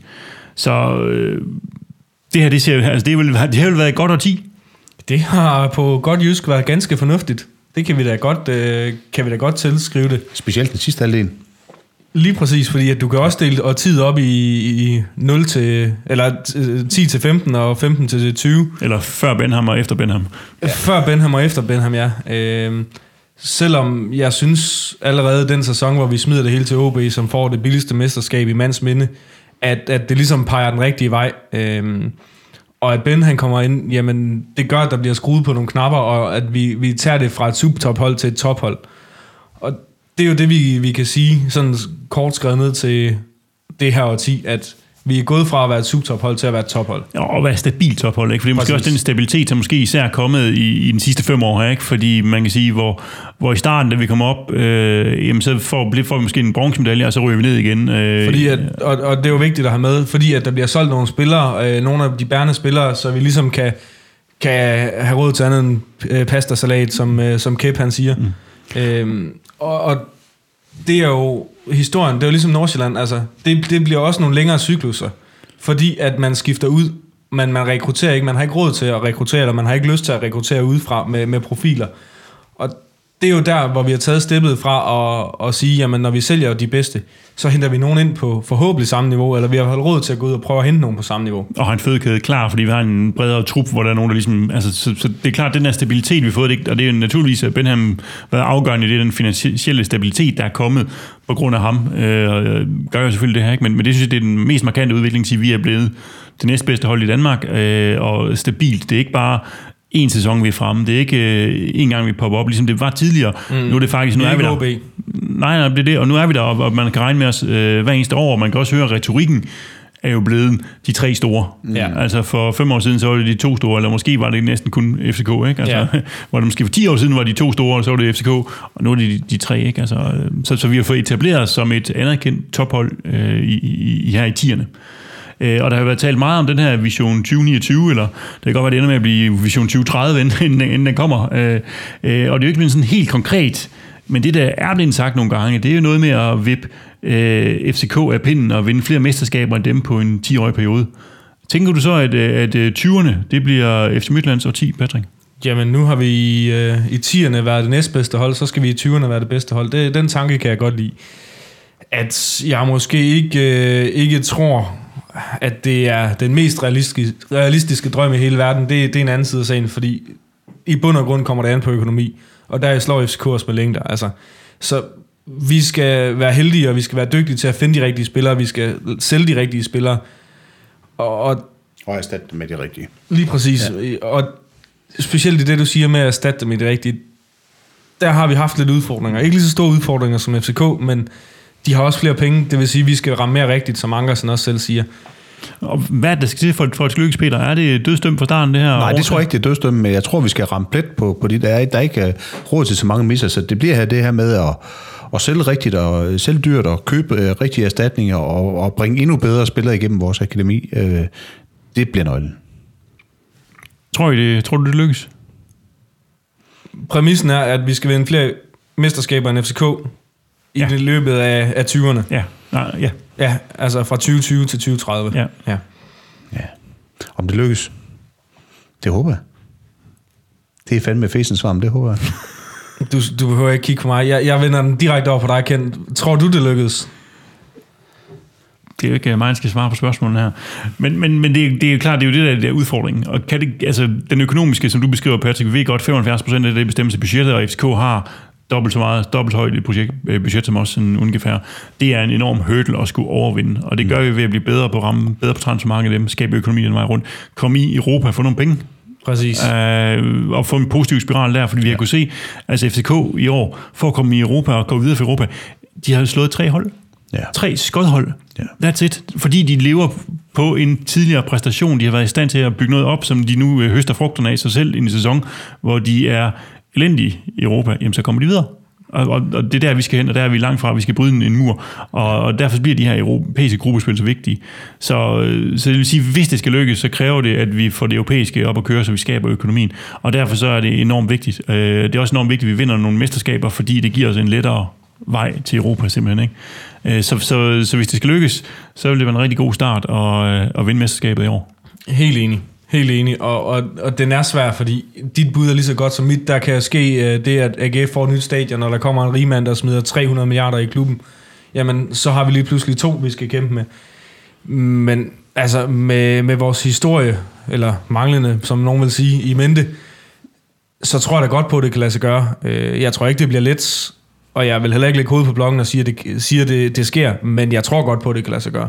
Og, og i hvert fald kan man sige, at vi har jo over en årrække haft en stabilitet i klubben, i klubben som er måske er vores allerstørste aktiv. Øh, at, at vi har haft de samme folk bagved, og, og, og der er den her kontinuitet, som gør, at der er ingen grund til at tro, at vi pludselig skulle afvige. Altså vi har været ret solide i vores strategi. Vi skifter ikke Øh, vi skifter godt træner rimelig tit, men vi skifter ikke øh, strategi eller retning sådan fra den ene dag til den anden. Ikke? Der er en eller anden retning, der kører, og, og, og som man tror på, og som jo også har bevisligt de sidste fem år været succesfuld. Den har været bæredygtig, ja. Øh, så på den måde, så, så er vi i hvert fald en, en, en contender. Altså, der er ingen grund til at tro, Præcis. at øh, medmindre der sker et eller andet meget, meget dramatisk, at, at vi ikke er der, og er en af dem, man skal regne med øh, hver eneste sæson. Ikke? Altså. Lige præcis. The ambition for, for Midtjylland has to be to, to win the championship again and to become you know, the dominant team um, in, in Denmark. Um, obviously, we have very strong competition in Copenhagen and Bromby, but we, we certainly have you know, a very strong ambition you know, to be the, the standout, most dominant team o- over the years uh, in Denmark. Når efteråret går på held, er det sæson for kåringer af forskellige art, og det vil vi også gøre her i Sortsnak, som vi plejer at gøre. Vi har nemlig udvalgt en række forskellige kategorier, så vi kommer godt omkring og finder ud af, hvem der har gjort det godt og skidt. De første to kategorier de er dog velkendte. Det er nemlig fyringer og forlængelser, der har været vores faste elementer i programmet hele året. Denne gang så udvider vi dog, så de ikke bare dækker den sidste periode eller den sidste uge, som vi plejer at fat i, men hele efteråret. Så vi starter med efterårets fyring til en, som ikke helt har leveret det, vi forventede, og som skal tage sig sammen i fremadrettet. Så hvem er det, vi sætter sure på her i efteråret? Hvem er det, der skal fyres? Der har vi som sædvanligt fået noget hjælp fra lytterne ude på de sociale medier. Vi har Simon Hansen, der siger, fyring til den manglende bredde. Niveauet faldt markant i dag på højre bakke uden jul, og generelt er vi sårbare ved skader og karantæne. Øh, Kasper Borgmann siger, fyring til indkøb offensivt. Brumauter har skuffet fælt, men ansvaret ligger i mine øjne højere oppe. Så er der Jakob Poulsen, og nej, det er ikke den Jakob Poulsen. Han siger fyring til Brumado, da han efter et år på heden endnu ikke har lært at afslutte. Hvis han ikke kan lære det på et år, sker det aldrig. Så har vi Morten Husted, der siger føring til Kabar, til trods for det lækre oplæg i dag. Det eneste, han efterhånden får konsekvent ros for, er hans fysik. Han virker hammerende uskarp og døjer lidt med samme vildskud som Igbun, og så havde det lidt med. Skud fra 300% urealistiske vinkler og helt uden præcision. Så har vi David Bachmann Jeppesen, der siger, fyring dem, der forlader kampen før slutføjt, men bliver sgu og bakker op i medgang og modgang. Thomas Lund siger, fyringen går til Evander, som falder mere og mere ud af kampen og viser færre og færre genialiteter og afgørende mål, krydret med en latterlig attitude i modgang. Og endelig Anders Christensen, der siger, hvis det gælder hele efteråret, så er det helt sikkert en fyring for den europæiske kampagne fra mig. Dybt skuffende, og vi er ikke engang, og vi er ikke engang tæt på. Nedlag til AGF gav desværre flashback til kampene mod Rangers. Så der kom øh, lidt fyringer rundt omkring her til øh, forskellige steder på banen og op i organisationen, og nogle ting har vi allerede også selv været inde i i vores sådan, evaluering af, af efteråret. Patrick, hvor øh, synes du, at øh, ugens fyring skal, skal, eller efterårets fyring skal ramme ned? Jamen, den, øh, jeg, jeg synes, der er nogen, som kommer, kommer ind på noget af det, jeg også selv sådan havde siddet og tænkt, da, vi, øh, da du sendte manus ud til os. Øh, og det er generelt offensiven. Og det er dem, som står for at skrue offensiven sammen. Så må vi så tol- selv tolke, eller det må folk selv tolke på, hvilke personer, der den rammer den her. Men det er offensiven og, og den manglende offensive bredde, der, er- der er min fyring her. Så en sådan lidt øh, konfliktsky offensiv bredde, og så må folk selv regne ud, hvem det er, fyring til Jamen, det er selvfølgelig dem, der står for indkøbene. Øh, fordi som jeg selv var inde på tidligere, at regne med, at Brumado han går ind og, og bliver vores messias, når Paul han forsvinder, det, det, det er naivt at tro. Øh, så, så Lasse Viby skulle måske være kommet allerede i sommer. Og det er jo så dem, som ikke har skrevet kontrakt med ham, der, der står til min efterårets fyring i forhold til det. Så Patrick, er stadigvæk navn, nævne navn, Peter. Kan du være mere præcis? Ja, det kan jeg i hvert fald. Øh, for det første, så tror jeg, at Thomas Lund han vil være lidt ked af det, hvis jeg ikke lige talesætter den der fuldstændig hjernedøde fyring af Evander. Hvad hedder det? Det, han er i gang med, det er at fyre vores øh, topscorer. Øh, min støttepædagog her til højre har lige været så sød at fortælle mig, at Evander havde 8 key passes mod AGF. Altså, jeg synes, han gør det godt. Jeg ved ikke, om det er forventningerne til ham, der gør, at, at folk de, øh, nærmest kører sådan en Twitter-storm mod ham, men jeg synes, vi havde været rimelig skidt kørende, hvis ikke det havde været frem, den der dejlige brasilianer der. Og hvis vi lige skal sætte lidt nuancer på, Du har jo på den her. taletid. Ja, det, det, og det beklager jeg meget, men jeg prøver bare lige at komme med et, et, et nuance på, på yin og yang her. Øh, fordi Evander spiller som 8 nu. Og, og vi kan ikke forvente lige så meget offensivt af ham, når han har så mange defensive pligter. Og den, synes jeg lige, er, er, er vi nødt til at have med i mente her, når vi snakker i Vandre. Og nu, Og er det, tak for den. nu er det ikke et indslag, der hedder Vanders Fanklub. Øh, det var, nu er det øh, efterårets fyring, vi skal fatte på, Peter Grov. Der var, øh, så har du haft læst en hel række op, og det alle egentlig skriver, og det som Patrick også siger, uden at sige det, det er, at Svend Grausen skal have efterårsfyring, fordi han ikke kan finde ud af at sørge for, at vi har en ordentlig bredde i truppen foran. Så det er Svend Grausen, det her det går på. Hvad, hvad byder du ind med, Kent? Jeg byder ind med, fordi jeg synes, det som vi har, det der har været fyring stort set hver eneste uge, øh, og i alle mulige afskygninger, det har været offensiven. Det er den, vi har efter. Så det er helt klart, der den ligger. For mig, øh, fordi jeg synes, jeg synes, det med offensiven, det bliver lidt for bredt. Jeg godt, når vi nu sidder her efteråret, så skal vi have lidt mere øh, konkret øh, på. Ikke? Og jeg synes, den, den største skuffelse for mig i offensiven har været Brumado. Uh, han blev købt ind i vinters til, efter sine, var det 14-16 millioner. Dyrt indkøb, jeg er med på, at han er ung, og derfor så smerter det mig også lidt. Men, men han, han, er ikke, han er ikke leveret, og han er blevet ringere og ringere. Jeg synes, jeg synes i starten, øh, de første indhop, han fik, det så spændende ud, og han lavede nogle interessante ting. Og nu, ja, det bliver bare værre og værre og værre. Og det skulle helst være gået en anden vej. Det skulle gå bedre og bedre og bedre. Ikke? Altså, han har været her et år nu, og han har ikke scoret et mål. Og han, jo, han er tæt på mod AGF, ikke? Men, men det var også første gang i et halvt år, han var tæt på at score et mål. Ikke? Altså, øh, så, så, så, for mig er det, er det Brumado, der sådan er helt klart altså, som symbol på den her manglende offensiv kvalitet, vi har haft. Så er det ham, der, der, der ligesom er den, der har været den, den, den største skuffelse. Mm. Men det er også lidt forkælet, at vi sidder ja. her og fyrer offensiven, når vi, vi har præsteret vores bedste efterår. Og, Men, men det er jo på grund af defensiven, det er ikke på grund af offensiven. det, det er vi helt enige i, men et eller andet sted er det stadig forkælet, at vi sidder og, og finder hår i suppen, fordi overordnet set har det været fremragende. Altså, jeg synes jo, at øh, hvis jeg skal markedsføre min egen øh, Svend Grausen en gang til, så vil jeg sige, jamen, Brumado er jo en af... af at havde, havde vi haft mere bredde på, på, på bænken, havde vi jo ikke været nødt til at spille Brumado hver gang. Så havde vi haft andre alternativer. Og øh, der er også en højre bak, som man kan diskutere, om den koster lidt her i, i søndag, selvom den ikke gør. Men jeg synes stadigvæk, at det er den sportslige ledelse, der står tilbage med, med, med skæg lidt i postkassen her. Den, den vil jeg altså også godt skrive under på, Kent. Jeg synes, det er en dårlig tendens. Jeg sådan flere gange nu i efteråret har oplevet at blive nedstemt i de her... Øh, ja. Det er bedre lige dengang, jeg ligesom, det var mig, der måtte afgøre det. Ja, det var det. Ja, Ja, og det finder du ikke påfaldende, at det, det, at det, at det er sådan her. Nå, men øh, jeg må jo magte mig, øh, i hvert fald lige en gang til her, ret mig ind efter flertallet, så sige, at øh, øh, efterårets fyring, det går til Svend Graversen, og vi beder Glenn om at give ham en ordentlig opsang. Ellers skal jeg nok gøre det fremover. Kolja, Kolja, nu skal du til at tage dig sammen. Efter fyringen skal vi som sædvanligt også have uddelt en forlængelse til en, som har præsteret rigtig godt, og som vi gerne vil se fortsætte i samme spor. Så hvem har været vores yndling her i efteråret? Hvem er det, der begejstret os? Også her er det øh, folk øh, fra de sociale medier, der byder ind. Først har vi Jesper Bering, der siger forlængelse til Unieka, det er taget, der har taget kvantespring det her efterår og ligner vores næste gigasal. Så er der Simon Husballe, der siger forlæng med Jesper Hansen. Han har godt nok været stærk i efteråret. Åse Julesgaard siger forlængelse til hele holdet for et fantastisk efterår. Det kan en tabt kamp til AGF ikke ødelægge. Abdul Deskam siger kæmpe forlængelse til altid ydmyg og kæmpende Frankie. En sand inspiration for unge, håbefyldte talenter. Fantastisk vilje og vanvittig løbepensum har han længe været kendt for, men sidenhen også lagt meget til hans omgang med bolden. Så har vi Simon Larsen, der siger forlængelse til Bill. Hans præstationer er forholdsvis stabile set over en sæson, og han er tit afgørende for vores offensiv. Han løber solen sort, og han kan holde modstanderen hen og få ro på spillet. Og endelig har vi Stoffer, der siger forlængelse Erik, generalen i ligands bedste forsvar. Så, der kom vi også lidt øh, omkring Peter. Øh, Der var sjovt nok ikke nogen, der nævnte Vandre, men det skal du sikkert nok øh, få. Der var heller ikke nogen, der nævnte Svend Grausen. øh, men hvem, øh, hvem har du tænkt, der skal have efteråret? Jamen, de to, jeg har tænkt, de er nævnt i, i forslagene her. Altså, jeg synes, at øh, Erik har været en fuldstændig forrygende anfører. Jeg synes, han har været øh, en, en kæmpe general på i den der defensive. Men jeg vil lige sige, min forlængelse går alligevel til den, som jeg synes, der overrasker mig mest, øh, det, og det er Frank. Altså, jeg synes, at øh, der har været tegninger til noget, men han har taget røven på mig ved at med kvantespring og, og sætte sig på den der defensive midt. Jeg synes, han har været forrygende. Så øh, en forlængelse til Frank fra, øh, fra Peter Krog. Hvem er dig? Jamen, den lette, det vil være at sige helt defensiven. Minus 10 minutter mod Og du er jo klar til det lette. Det er det, jeg sagde med, hvorfor ikke hoppe over, hvor gaden lavest. Det er jo trods alt det, den hurtigste måde at komme frem på. Nej, øh, det, det kommer til at være pissekedeligt, det her, men jeg synes, det er en no-brainer. Han hedder Frank the Tank. Altså, er du vanvittig?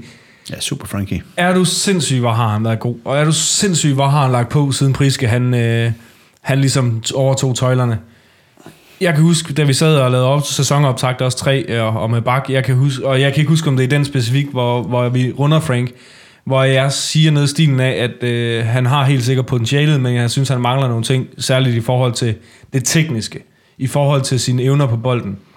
Og der har han lagt vanvittigt meget på. Altså, vi ser i AGF-kampen, jeg er lige ved at kalde ham vores vigtigste mand her i, øh, i slutningen af efteråret i hvert fald. Ja. Og øh, var der nogen, der har sagt det til mig, da, da vi gik ind i efteråret, så havde jeg nok øh, kigget underligt på dem og spurgt, om de mente det seriøst.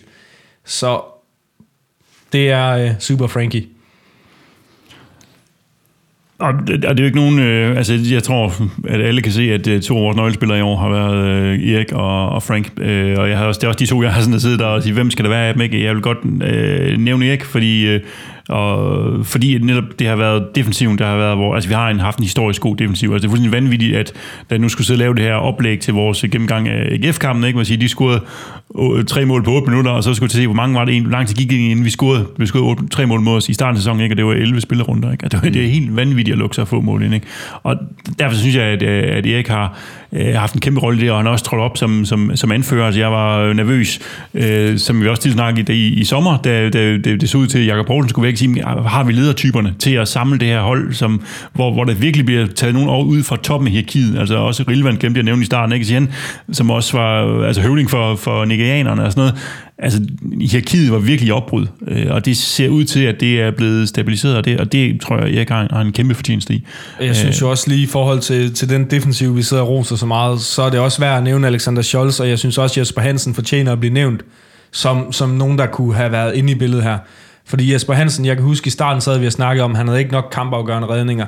Vi manglede lige at se den der topklasse fra ham, og i min verden har han været Superligans absolut bedste målmand hele efteråret. Ja, ja, og Scholz har helt sikkert været den næstbedste midterforsvarer, hvis ikke han har været den bedste. Men jeg synes, som, som Kent også siger, at, at med Erik, der er det også den der, det er det der anførbind, som også gør det, altså den der måde, han ligesom har sat det der anførbind til sig, og både har sat en ære i det, men også ligesom sagt, jamen, jeg vil simpelthen være den bedste udgave af en anfører, jeg kan forestille mig. Præcis, og, og den måde anførbindet har løftet ham på, ja, ja. synes jeg også, fordi at han er jo blevet mere tydelig i sine udtalelser, han er blevet mere, mere tydelig i sit spil, så man kunne også sagtens argumentere for, at Erik han ligesom var den, der fortjente den.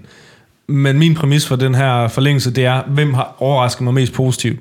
Og der vil jeg sige, at Erik han ligger lidt over det, jeg havde forventet af ham, men Frank ligger længere over det, jeg havde forventet af Frank. Så I holder stadigvæk fat i Frank, jeg kan ikke altså, ja, til Min argumentation er præcis det samme, som, som Patrick sagde. Jeg vil sige, at Erik har været outstanding. Frank har bare ikke set det komme på den måde. Altså, så hurtigt. På, øh, på den, at det har været så voldsomt. Godt.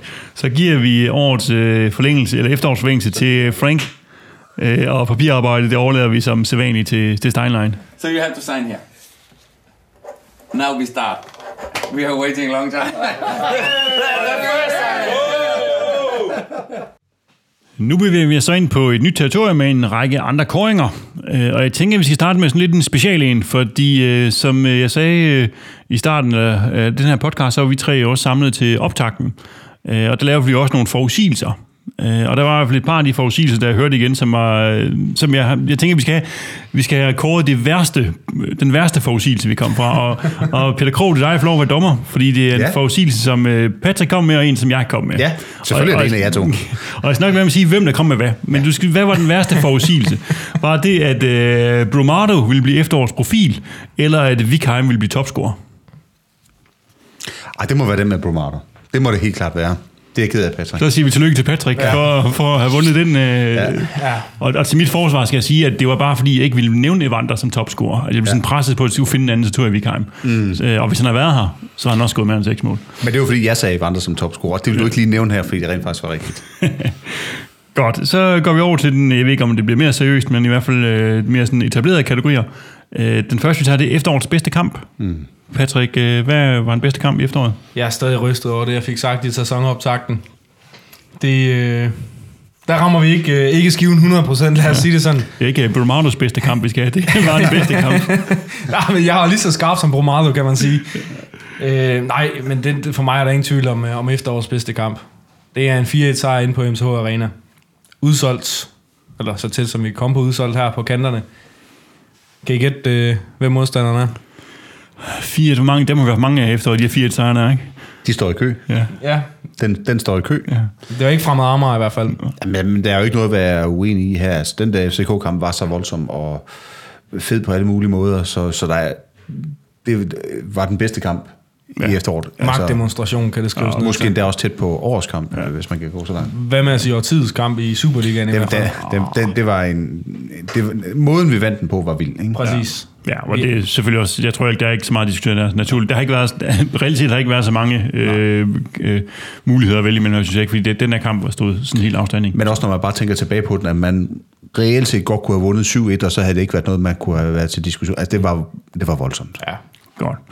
Så 4 sejren over FCK bliver, var, har været efterårets bedste kamp. Hvad så den værste kamp, Peter Krog? Hvad er Jamen, det i min bog er den værste kamp, øh, den overskygger den der fremad kamp, vi har, det er faktisk den første kamp mod, mod Rangers, hvor det bliver så tydeligt, at vi er så langt væk fra der, hvor vi skal være. Det var for mig den værste kamp. Måske er der også lige så meget betydning af den, fordi måske var spillet ikke så forfærdeligt, men at vi var så langt fra at kunne, kunne hamle op og bare byde ind med noget som helst, det, det var for mig det værste. Patrick? Jamen igen er der ikke, øh, ikke så meget at, at diskutere her, fordi med de ting, der blev sagt i optakten, som vi har været inde på tidligere, så var forventningerne skruet op til, at man i hvert fald kunne udfordre Glasgow Rangers, og det kunne vi de første tre minutter eller sådan noget, og så var skabet ligesom sat på plads. Og, og jeg har så gjort det, at jeg har kigget lidt mere Superliga-mæssigt. Og øh, jeg har sådan på, vi har tabt to kampe, begge to på hjemmebane, taber 1-0 mod OB, og vi taber 3-1 mod AGF. Og øh, der vil jeg sige, af de to, der har jeg AGF-kampen, hvis vi kun kigger Superliga-mæssigt, fordi vi lige pludselig falder sammen, og hvilket er meget atypisk for os. Mod OB øh, er de svineheldige, stiller sig ned, kommer på en omstilling, og øh, vi bombarderede deres mål uden at få den ind. Så i Superligaen, AGF-kampen, vi taber i går. Jeg har faktisk tænkt, Søndag. jeg har faktisk tænkt, tænkt en anden øh, kamp i Superligaen, fordi jeg, jeg er med på, fordi vi må sige, at vi taber kampene, det gør med OB, som du siger, det var pisse heldigt, at et skud for mål, øh, vinder AGF-kampen her, jamen, ja, vi er shaky i 8 minutter, men ellers er klart, jeg, jeg har faktisk sparet på Hobro-kampen hjemme, som vi spiller uafgjort, hvor jeg synes, vi er virkelig udtryksmæssigt, og, og modstander, altså modstanders kvalitetsmæssigt også bare er for dårligt. Altså, det, var, det er et hold, som vi, vi bør vinde over, vi har altid haft et godt tag på, og, og, og vi kunne bare ingenting. Vi var tandløse, og de får så et straf, og så får vi udlignet til sidst øh, på det hovedstød. Ja, Ja, så Eriksen, husker det. Ja. Men det var ligesom, om vi manglede værktøj til at kunne lukke dem op. Ja, altså, og, og, og hvor man tænker, det er Hobro. Ja. Altså, jeg, jeg, Men jeg, det er jo så også Hobros bedste kamp i hele sæsonen, hvis vi skal være ærlige, ikke? jo, men, altså- altså. men det, det, skal vi bare ikke gøre det til. Ej, de vandt også, også over FCK. Det var da også en god kamp for dem. Ja, men FCK var fandme også ringe den kamp. Men det var vi også i den her kamp, ikke? Og det, det var min pointe med at sige, det synes jeg faktisk, på trods af, at resultatet er bedre end vores nederlag, så når jeg sådan tænker tilbage, hvad var den mest elendige, og hvor jeg gik fra stadion sådan mest nedtrykt, sådan på sådan, hvad skal man sige, kunne vi ikke mere end det her. Altså, det var, det var den kamp. Mm. Øh, ja. Men, Så vi har tre forskellige bud på det. Ja. Øh, Og jeg vil sige, det der med sindelaget, når man forlader stadion, at det er det, der får mig til at sige, sige den der Rangers kamp. Det, jeg var virkelig, altså jeg var virkelig skuffet over det, vi kom med der. Men jeg, jeg vil sige, øh, jeg kan sgu sådan set købe begge jeres, så øh, den må I to ligesom forhandle lidt om. Øh, Altså, Ken, prøv at høre, der er jeg ikke, du har fået lov til at bestemme så lidt i dag. Altså, prøv, du har nærmest ramt forbi alt. Altså, selv øh, den der forudsigelse, hvor Patrick godt nok var lidt ringere end dig, så synes, tager du bare den der Hobro-kamp. Det er okay. Får jeg Hobro ham? Ja, ja. Det er stort, Selvfølgelig. Det er stort, Ja, ja, ja. ja. tak. Det, det, var, det er sgu stort. Okay, så den værste kamp i efteråret, det var hjemmekampen mod Hobro. ja. Så kommer vi til bedste transfer. Øh, og da jeg sad og skulle kigge på den, så finder jeg ud af, at vi faktisk kun havde hentet tre spillere i sommer. Det var Paulinho, Kabar og Marcondes. Øh, og så lagde jeg det ud på en, øh, til en afstemning, fordi jeg, var, jeg må indrømme, jeg var sådan rimelig meget i tvivl, fordi okay, Paulinho kunne jo godt tage ud af ligningen, og så var der Kabar og Marcondes, og det var sådan lidt, jamen, hvem har egentlig været bedst af dem? Så øh, jeg tænkte, vi skulle høre lytterne omkring det, og der afstemningen viser, at 56 procent har svaret på Kabar som den bedste transfer, øh, og Marcondes får 42 procent af stemmerne, så ved jeg ikke, der er så 2 procent, der er sindssygt videre har stemt på Paulinho. og, og, hvis man lige skal sådan tage nogle af de reaktioner, der kom ud, så er der en Jonas Kirkeby, der siger, jamen, kan man stemme på ingen? Altså, Kambar har ikke vist sig at være 24 millioner værd. Paulinho blev købt ind til et andet system, øh, og Emiliano har ikke fundet sin plads på holdet. Øh, så er der Andreas Astrup, der siger Marcondes, fordi vi ikke brænder natteren økonomisk i den case. Øh, så så det, det er sådan, der har været sådan nogle reaktioner på, hvad kan vi egentlig, altså hvad er det egentlig for nogle kriterier, vi skal vælge? Der er ikke nogen af dem, der har brændt det hele af. Ej, det er et FCK-vindue, vi har haft. Ja, så, så hvad tænker du, Patrick? Hvem, øh, hvad har været den bedste af de her tre transfers? Ja, af de tre, der, der, der, der, der vil jeg sige, Jonas han er inde på noget øh, med at stemme ingen, fordi op mod forventningerne, så der, har de begge to skuffet mig. Altså, jeg havde kæmpe høje forventninger til Marcondes, og jeg havde endnu højere forventninger til Kabar. Og der er ingen af dem, der har nødt mine forventninger til sokkerholderne. Øhm, så jeg, jeg kan måske godt forstå dem, der stemte Paulinho, fordi at der var ingen forventninger til. Øh, så han har ikke øh, decideret overrasket negativt, men jeg vil sige, jeg vil gå så langt at sige, at det bliver Kabar, og, og det bliver det på baggrund af kampene, specielt mod Rangers, hvor jeg synes, virkelig synes, han viser noget. Noget af det, som vi desværre ikke har set i Superligaen, men i de to kampe var han et monster. Altså, de kunne ikke komme i nærheden af ham, når han havde bolden. Han får scoret et rigtig fint mål inde på MSH her. Så baseret på to kampe, hvor vi skuffer fejl mod Glasgow Rangers, så bliver det Soy Kabar, som, øh, som får min stemme. Og Peter? Jeg synes jo også, det er tre skuffelser, vi har her. Marcondes, jeg havde virkelig forventet mig noget mere. Jeg synes jo, at han har indgået OK i nogle relationer med de øvrige offensive spillere, og, og måske så deltaget i andre, men outputtet har bare ikke været der, og, og man sidder også lidt tilbage, men når nu outputtet ikke har været bedre på, på den der konto, hvordan det kunne have set ud med en anden på den der placering. Men, ja, hvordan havde det set ud, hvis vi havde beholdt Vikheim og ikke hentet Marcondes ind, ja. eksempelvis, ikke? Ja. Så Marcondes skuffede ja. Sorry Kappa, ja, jeg havde også forventet, at vi skulle øh, rejse os op og klappe lidt mere og, råbe hans navn. Men der har trods alt også været lyspunkter. Der har jo været det her med, med den her fysiske presence, som, som man kan sige, ja, så øh, baseret på stort set ingenting, bliver han nok i virkeligheden det bedste køb. Ja, hold da op, jeg sidder her. Øh, men måler vi det på alt andet end afslutningerne, så har Kabay jo egentlig præsteret ganske, ganske okay. Og som jeg var inde på tidligere, assisterne er, er begyndt at komme på. Øh, så det kan vi jo håbe, det er første step mod, at øh, han brænder ligaen af i foråret. Men ud af de tre, der, der, der må det være Kabar. Ja, og jeg har på samme måde, det er også det, det faldt ud til mig. Til mig, det var til Kabar at sige, han har så leveret et par mål, eller fire mål, og han har leveret nogle, øh, nogle assister også på det sidste, og han har vist potentialet i glimt, at det er, at det er et højt niveau. Men, men det er et, altså et tyndt felt. Altså det, ja, det, her, det, her, det her vindue i, i sommer ja. var ikke godt, øh, hvad vi fik ind på det. Altså det, det, skal vi, det skal vi gøre bedre næste gang. Jeg havde faktisk skrevet Brian Priske på som den bedste transfer, men da du siger, at jeg skal vælge mellem de tre, så, øh, så begrænser du mig lidt. Godt. Øh, så Kabar bliver årets transfer. Så har vi bedste mål, Peter Krog. Hvad, hvem har skudt det? Det er så en af de her, vi lige har været igennem, med en af transferne, øh, som, som har skuffet. Jeg synes faktisk, at det mål, vi laver på Silkeborg Stadion, hvor Marcondes øh, scorer, synes jeg faktisk er ret fedt. Øh, det her meget hurtige øh, positionsspil med nogle hurtige vip, jeg synes, det er en, Altså, hvor Evander med ydersiden spiller Marcondes fri. Som vipper den fri, ja. ja. Og det er vigtigt at sige, at, at Evander han laver kick væk mens han spiller øh, Marcondes ja, Det synes fri. jeg er fremragende mål. Ja. Og hvad tænker du, øh, Jamen, jeg har faktisk siddet og kigget alle målene igennem, og det var ikke, øh, der var ikke nogen, hvor jeg fik lyst til at rejse mig op af sofaen og stå og klappe. Øh, men jeg har, øh, jeg har faktisk øh, også på min liste, jeg har Marcondes ude i Silkeborg, jeg har også Marcondes i Herning, hvor, hvor jeg synes, vi også laver et fornuftigt opspil. Øh, at, at hovedstødet sidder midt i målet, det, det, det er måske det, der taler den lidt ned. Øh, men hvis vi kigger på alle målene, så er mit valg faktisk faldet på, på Peter Krogs plejesøn.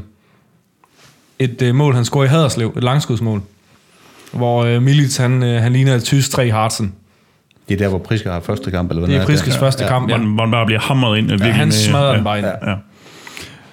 Det var også udmærket mål. Jeg har, jeg har faktisk, altså, det, jeg synes, det, er, jeg, det, er faktisk, det, det er svært at finde mål, for der har faktisk ikke været mange gode mål, synes nej, jeg. Sådan, nej. altså, og det, det, er også noget, vi snakker om faktisk i, i sommer, i forhold til evalueringen af sidste år, ikke, da vi havde den samme kategori her, at vi har ikke ret mange af de der fantastiske mål, fordi mange af det handler om shot location og komme til ind, så vi får ikke ikke de der lange skud fra 25 meter, der ryger op i krogen eller et eller andet. Nej. Øh, men jeg har faktisk valgt øh, årtiets sidste mål. Ja. Altså det, vi scorede mod, øh, mod AGF her, ikke? Altså mm. en, en flot frispilning af Kabar, sådan flugter, helt flugter ja. fra, fra Eber. Jeg synes, det er, det er også flot mål. Det er det bedste, vi har lavet. Men kan, kan I huske målet, vi scorede ned Haderslev til 1-0 i den kamp i Priskes debut? Øh, hvor Vikheim, han øh, gør den bag, var jeg lige ved at sige. Alexander bare totalt rundtosset, hvor han sætter ham syv og en halv gang, mm. og så slår den på bærste stolpe mm. til, til, til Eva, ja, ja. som øh, får en berøring på, og fra en 15 graders vinkel sparker den op i, ja. øh, op i nettaget. Mm. Det er også en af dem, jeg har haft på min liste. Ja. Men Jeg vil Og så sige, er der det- faktisk også et flot mål mod FCK, som godt nok er sådan en FCM Classic, men frispark i højre side, der bliver lagt ind. Det, det mål til 3-1, som Kappa scorer på. Det er godt, det, Ja. det er altså en, en god hovedstød. Ja, det er, det er altså, men, men det er altså også ja. bare på den, den der. Ja, og det er også det, der gav, ligesom gav forhåbning om, at han kunne det der, fordi det var jo sådan, Ja, og det var der, hvor de ligesom var på vej tilbage i kampen, og så blev ja. tingene sat på plads. Ikke? Men jeg synes, altså, den, øh, nu, nu finder jeg måske hår i suppen, men jeg synes godt nok, at en døjs opdækning alene gør, at den, øh, den diskvalificeres for mig. Men nu sidder vi og bringer flere og flere mål øh, i spil, og i virkeligheden så var det færre, vi skulle have, for vi Ja. ja. finde tilbage til, til det bedste mål. Kan vi, er det, det er jo meget subjektivt det her, men kan vi blive enige om, øh, om er der nogen, der vil give sig den ene eller anden vej? Det må I gerne. Så nu ligger nu, øh, den du lige brokket over, jeg lavede lige før, den laver du selv nu, eller hvad? Hvad, hvad, hvad, hvor er vi henkendt? Jamen, jeg har ret. Det, det er jeg ikke sikker på, du har. Det, jeg, jeg synes langskudsmålet, eller, eller Evers nede i uh, Haderslev. Det er en af de to. Nej, det synes jeg ikke. Det der langskudsmål, det var, det var, altså, det var godt hamret ind, men Men du brokker dig lige over, vi ingen langskudsmål Det var har, så det får vi et langskudsmål, Jamen, og det- så vil du ikke tage den med. det var sådan en jordfiser. Altså. Det skal, det skal, det skal op i krogen, for det ser godt ud. Godt, vi bliver sgu nok ikke enige vi, her. vi, vi bliver ikke enige om det bedste mål, så det må lytterne også være med til at afgøre og sige, meld ind med, hvad synes I, I var det bedste mål? Ja. Øh, og det var naturligvis det sidste her. Godt. Øh, næste kategori er efterårets gennembrud. Hvem har fået da sit gennembrud her i efteråret, øh, Patrick? Jamen, øh, den synes jeg ikke er svær. Jeg har godt nok haft diskussion på Twitter med nogen, som, øh, som nævner Frank, som vi laver som øh, forlængelsen på efteråret. Jeg har Nicolas Dyr. Altså, øh, for mig, jeg, jeg synes knap nok, den behøver at blive uddybet, men jeg gør det lige alligevel. Øh, han kommer fra ingenting og, og bliver en, en ganske, ganske hederlig bak i Superligaen indtil videre. Altså defensivt har, har det set rigtig, rigtig, rigtig godt ud. Offensivt øh, er der stadig lidt at ønske på, men jeg tror også, hans fokus har været det defensive her i, øh, i starten. Så for mig er det, det er en no-brainer. Nu hørte jeg Sort Snaks øh, sidste edition, hvor du øh, proklamerede, at der skulle laves en kategori, som han ikke kunne undgå at vinde af Niklas Dyr, så det må vi heller bare sige, at det skal være ham. Ellers bliver aldrig færdig med det her. Jamen, er du uenig? Altså, nu er jeg, nødt til at tage den videre her. jeg, jeg synes måske, Frank godt kunne komme i spil, fordi at han måske øh, er kommet med den der power, som han har. Derfor har jeg lavet min egen kategori, der hedder Most Improved Player. Ja. Og, og der har jeg Frank. Men, men jeg, jeg, det er egentlig, det, det handler om Frank eller Dyr, det her, ikke? men jeg synes virkelig, Dyr han er out of nowhere. Altså, ja. der er ingen, der kendte ham, som, sagde, for der er ingen kendte ham før. Han, nu, han spiller altså på Superligaens tophold, altså nummer et. Øh, så det kan godt være, at øh, bakposition, der siger man altid, der kan man altid stille folk ud, ikke? Men han, øh, det er en U19-spiller, der, Ja, der løber gør rundt det så derude. godt. Ja. Anden års U19 er han jo stadig. Han, han gør det så godt, og øh, man kan sige, han, han ligner jo ikke det. Han reelt er en, en, en helt ung spiller, der spiller sin første sæson. Mm. Han gør det for mig. Ja. Så jeg synes bare også bare årets gennembrud, det bliver, det bliver Niklas Dyr. Så har vi en af de lidt øh, spøjse, vi har efterårs LaLandia-spiller.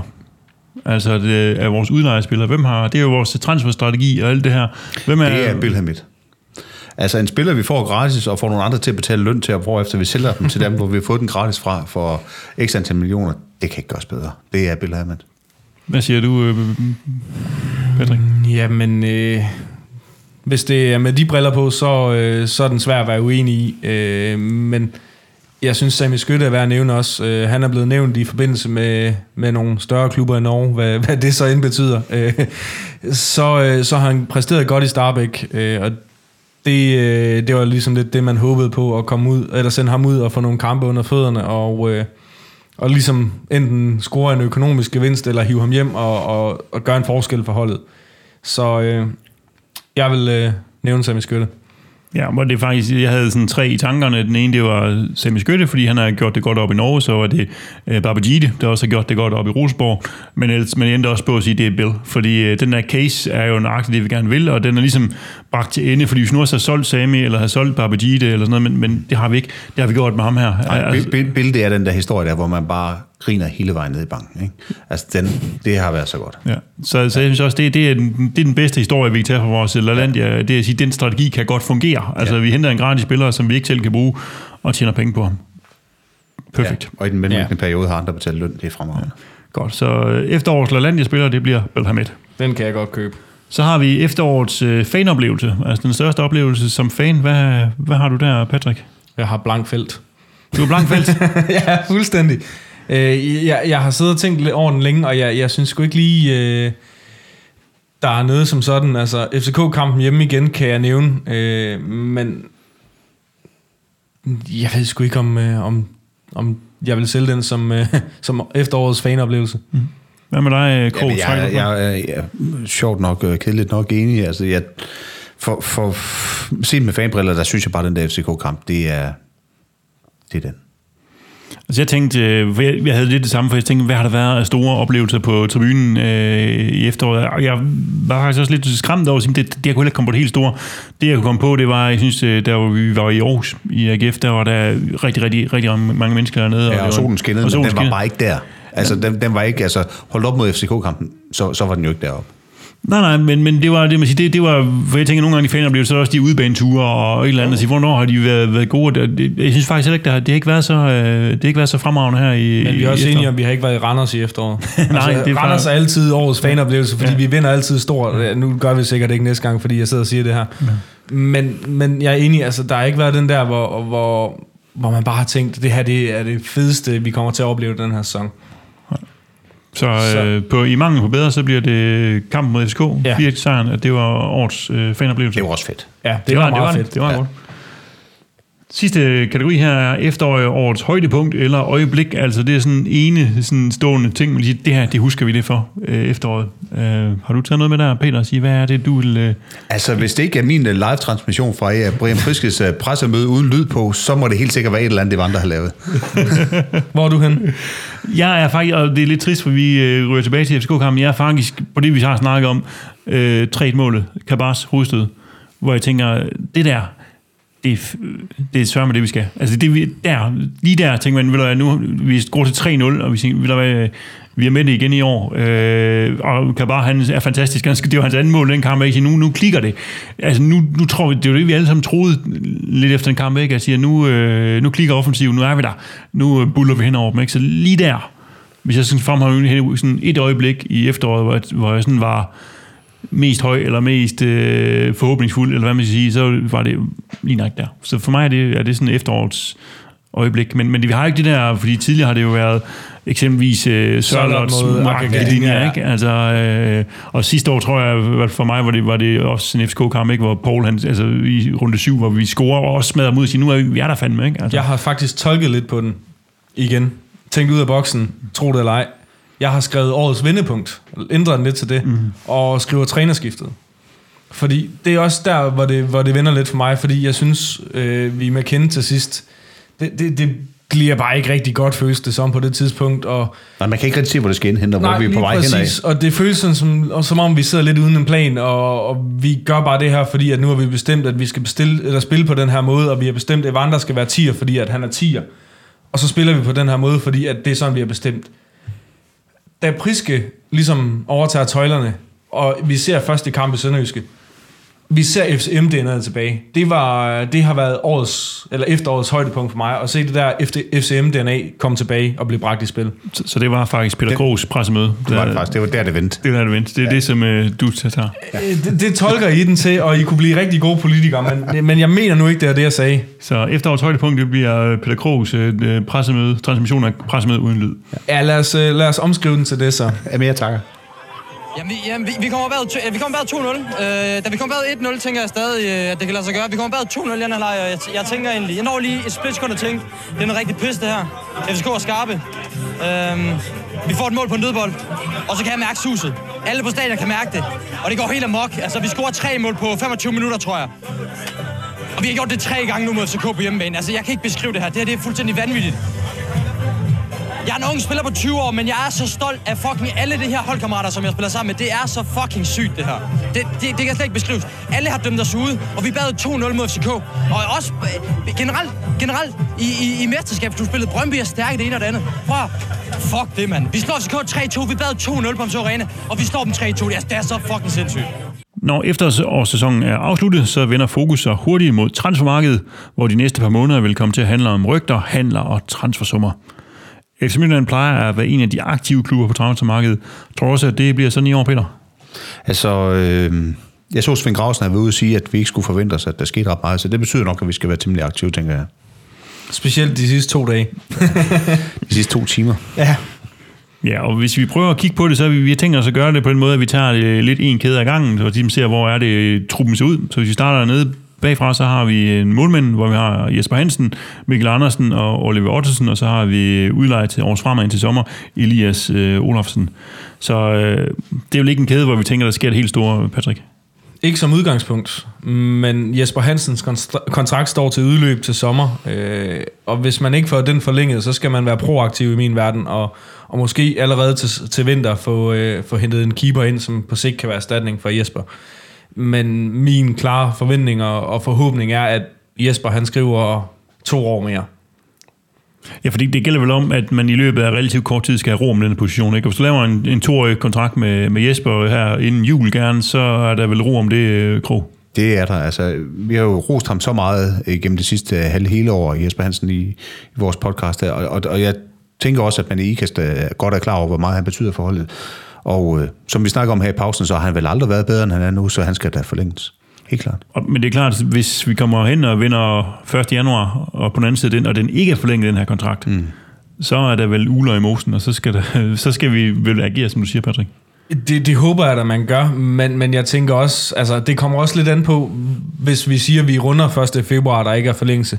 Men hvis parterne er enige om, at kontrakten skal forlænges, ligesom han har været med Jakob Poulsen tidligere, altså så vil jeg ikke være så nervøs for det. Men hvis, hvis klubben går ind i transfermarkedet, eller transfervinduet, med en fornemmelse om, at det kan blive svært at få forlænget med Jesper, jamen så synes jeg, man, man skal ud og se, hvad man kan finde. Står den rigtige der, jamen så slår man til, og ellers så kan man altså godt vente helt til sommer med at få fat på en ny. Og hvad er den rigtige? Jamen, hvad er den rigtige? Altså, Jesper Hansen er Superligans bedste målmand i, øh, i efteråret, mm. så jeg tror ikke, jeg kan ikke pege på en i Superligaen og sige, at han er den rigtige. Altså, så skal man måske kigge på FCK's bænk og sige Grydebusten, men så skal man kigge på, øh, på Ståle Solbakken, der siger, øh, hej, her er en lang næse, ham får I sgu aldrig lov til at hente. Altså, ellers så skal man kigge mod udlandet. Hvad er der af målmænd, danske målmænd gerne, som ikke spiller i deres klubber? Frederik Rønnow havde måske været et bud, men han er lige blevet skadet, har jeg læst i dag, seks uger, men han har stået fast de seneste par måneder og gjort det godt nede i Frankfurt. Ja. Så er der Jonas Løssel, der er skiftet til, øh, til Everton, hvor han er reservemålmand. Men han hæver nok en løn som... Han hæver måske en månedsløn, vi kan tilbyde ham på et år. Øh, det er noget, jeg, jeg tror måske, han får 3 millioner i måneden, eller sådan noget, har jeg læst mig frem til. Og øh, det er ikke en løn, vi kan matche i hvert fald. Så min, min, min, min forhåbning er, at det bliver Jesper Hansen, der bliver forlænget med.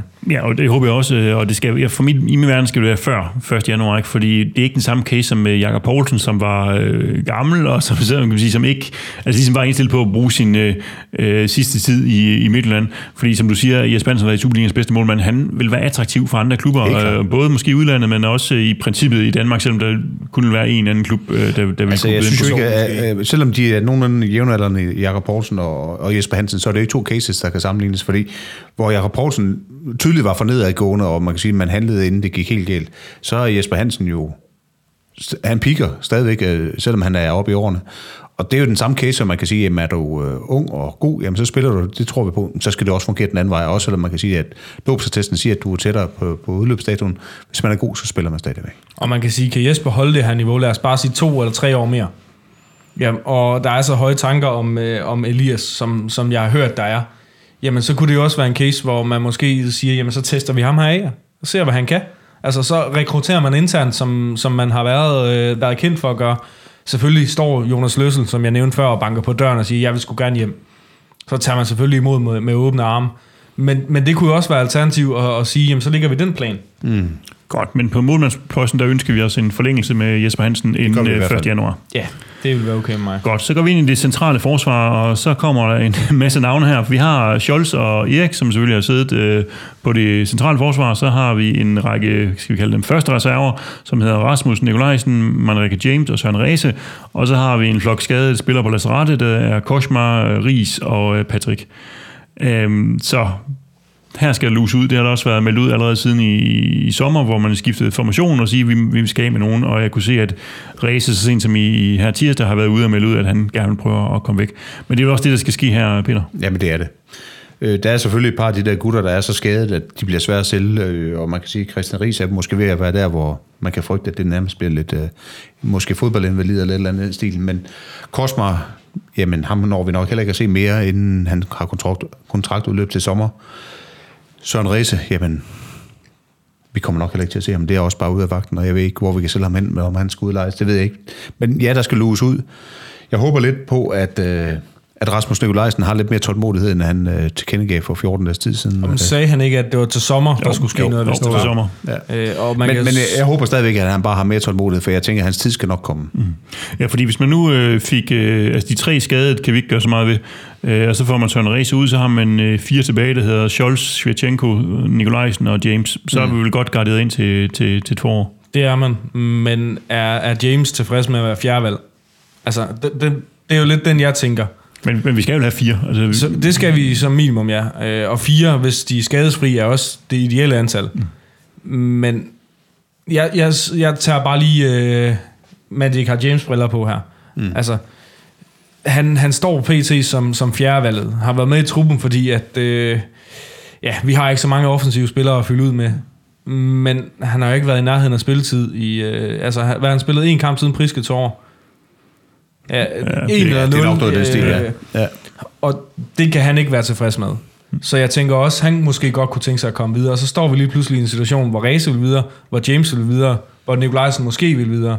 Men uanset hvad, hvis de to førstnævnte ryger videre, så er vi en mand for lidt.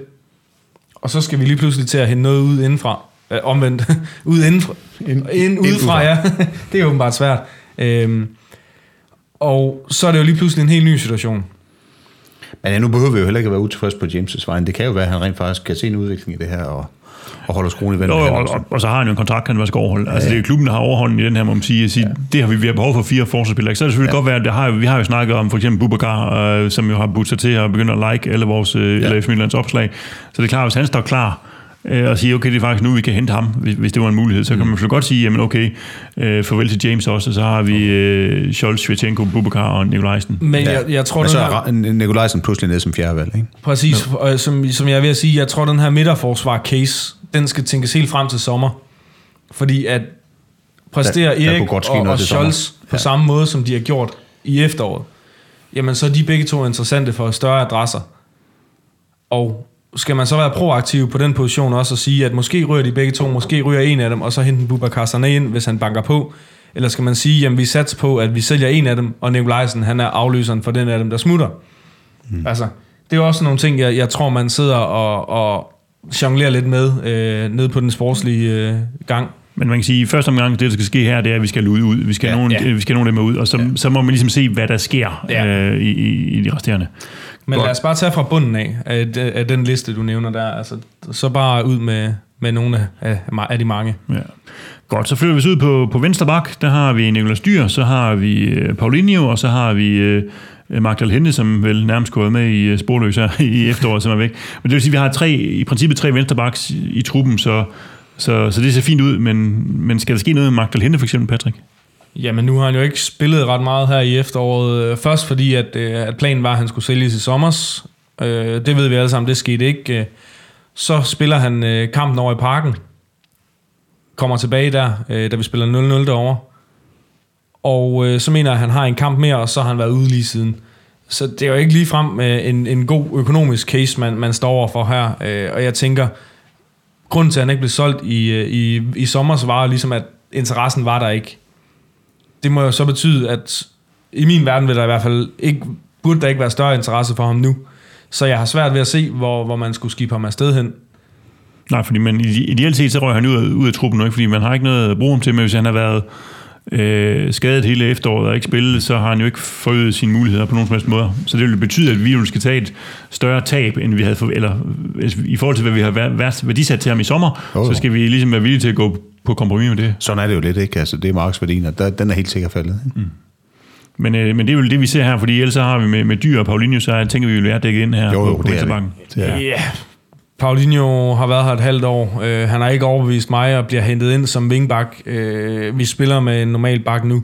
Så man kan sige, bliver Dal hente, og står man med tre dage tilbage, og der er en eller anden, der banker på døren og siger, vi vil gerne øh, lege, købe Paulinho, jamen så kunne det også være en mulighed øh, Mm. at gøre det på den måde, fordi der er ingen grund til, at vi har tre venstre Men det er jo igen det der med, at han har købt ind til et andet system. Ikke? Altså, kunne man have set i krystalkuglen, når vi skulle spille på den her måde, måde havde det måske været bedre betalt for Kusawa, end, end det var betalt for Paulinho. Lige præcis. Men det er lidt at være bagklog Ja, ja, lige nøjagtigt. Og man kan sige, øh, jeg tror ikke, Del Hente ryger, og jeg, jeg tror helt ærligt heller ikke, at, øh, at Paulinho ryger. Men ideelt set med mine briller, så, øh, så var der en af de to, der, der kom ja. videre på den ene eller anden måde til sommer. Så på, eller venstre, til vinter. så på venstre bak kan det handle lidt mere om ud, mere ja. om ud end ind, kan man sige. Ja. Og hvis vi så går på den anden bak, højre bakken, så er det nok lidt omvendt, det handler mere om at få ind eller ud, for der har vi øh, Jol, og så har vi ingenting. Altså, vi har en Oliver Olsen, øh, som ja. er skadet. Ja. så, så, Ja. så, vi har ingen backup Så vi har en, der er syg, og en, der er skadet. Ja. Ah, forhåbentlig er Jol øh, klar til, til foråret igen. Og, og der er jo også meldt ind, at, øh, at der skal hentes ind her, øh, Peter. Men tænker du, at det er til toppen, altså en, der er bedre end Jol? Eller er det en, en ligeværdig, der skal konkurrere med ham? Eller er det en, en, en backup, en der ligesom accepterer, at vi det er en reserverolle, jeg har? Jamen, jeg tror, vi, vi, øh, det, det skal være en reserve. Jeg forestiller mig, at skulle man uh, toppe den i forhold til Jon, så bliver det voldsomt dyrt. Øh, og man kan også diskutere, om behovet i virkeligheden er der, for Jon gør det jo hammer godt.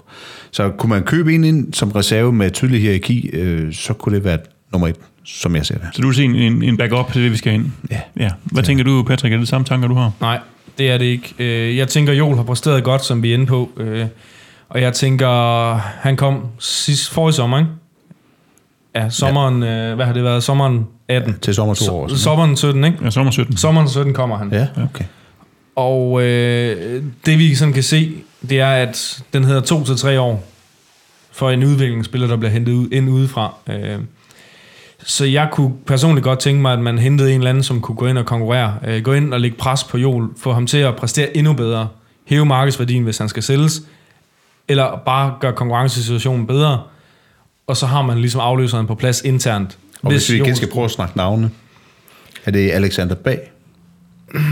Jamen, vi blev jo nævnt som, som en mulighed for ham i, i sommer, øh, og jeg kunne godt se, altså jeg, jeg synes ikke, han er højre bak, ham der. Øh, han kunne måske være vingbak, men jeg, jeg ser ham ikke som højre bak i vores, øh, vores system. Men nu er der en grund til, at jeg ikke er ansat i Midtjylland, og det er, at der er nogen, der, mener, at de er klogere end mig til at se sådan nogle ting. Det tror jeg ikke bare, der tror.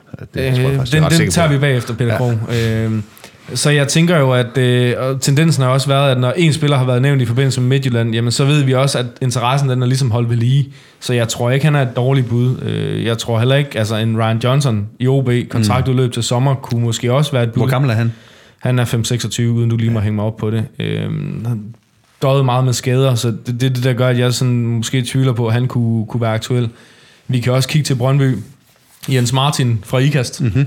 Render rundt som uh, Silkeborgs dyreste salg nogensinde, og er tredje valg på højre bakken i Brøndby. Men de vil vel stadigvæk have penge for ham derovre?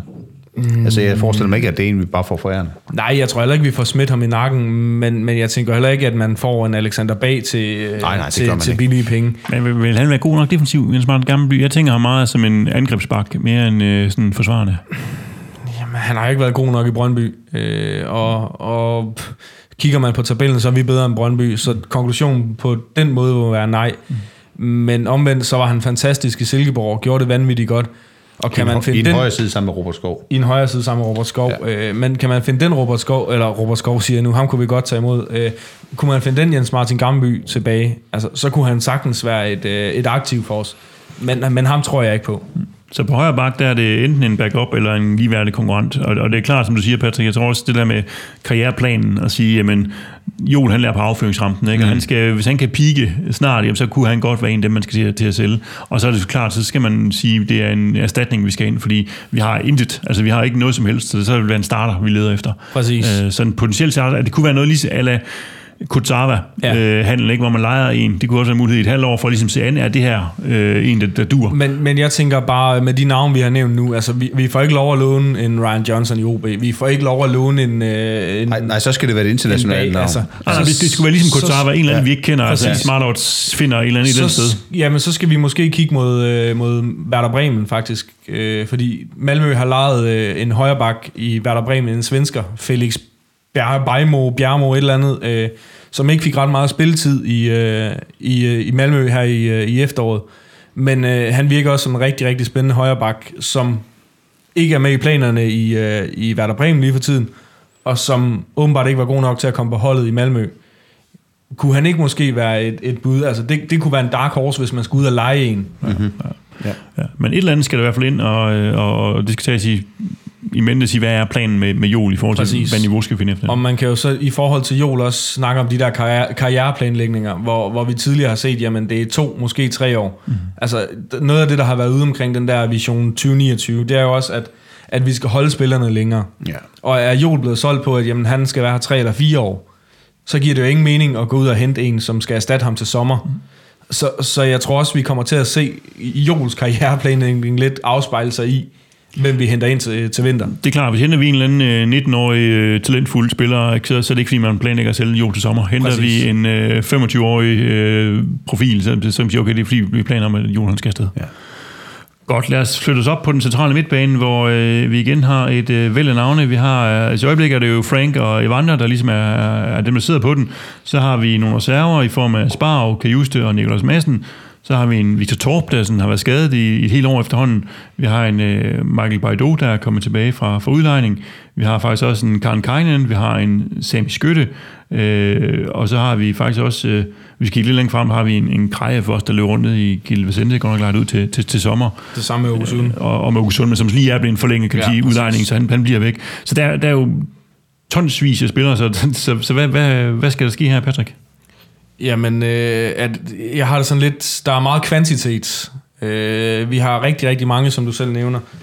Men i min verden, der mangler vi en, en 8 med international snit. Altså, vi mangler en Carla Øh, noget i den duer. En, som ligesom kan gå ind og, og tage sig en lederrolle inde centralt i banen. Lidt ligesom Spav har gjort tidligere, men han er blevet overhalet. Og vi skal ikke spille med to sekser. Så derfor ligger Frank som, øh, som første valg på sekseren i min verden.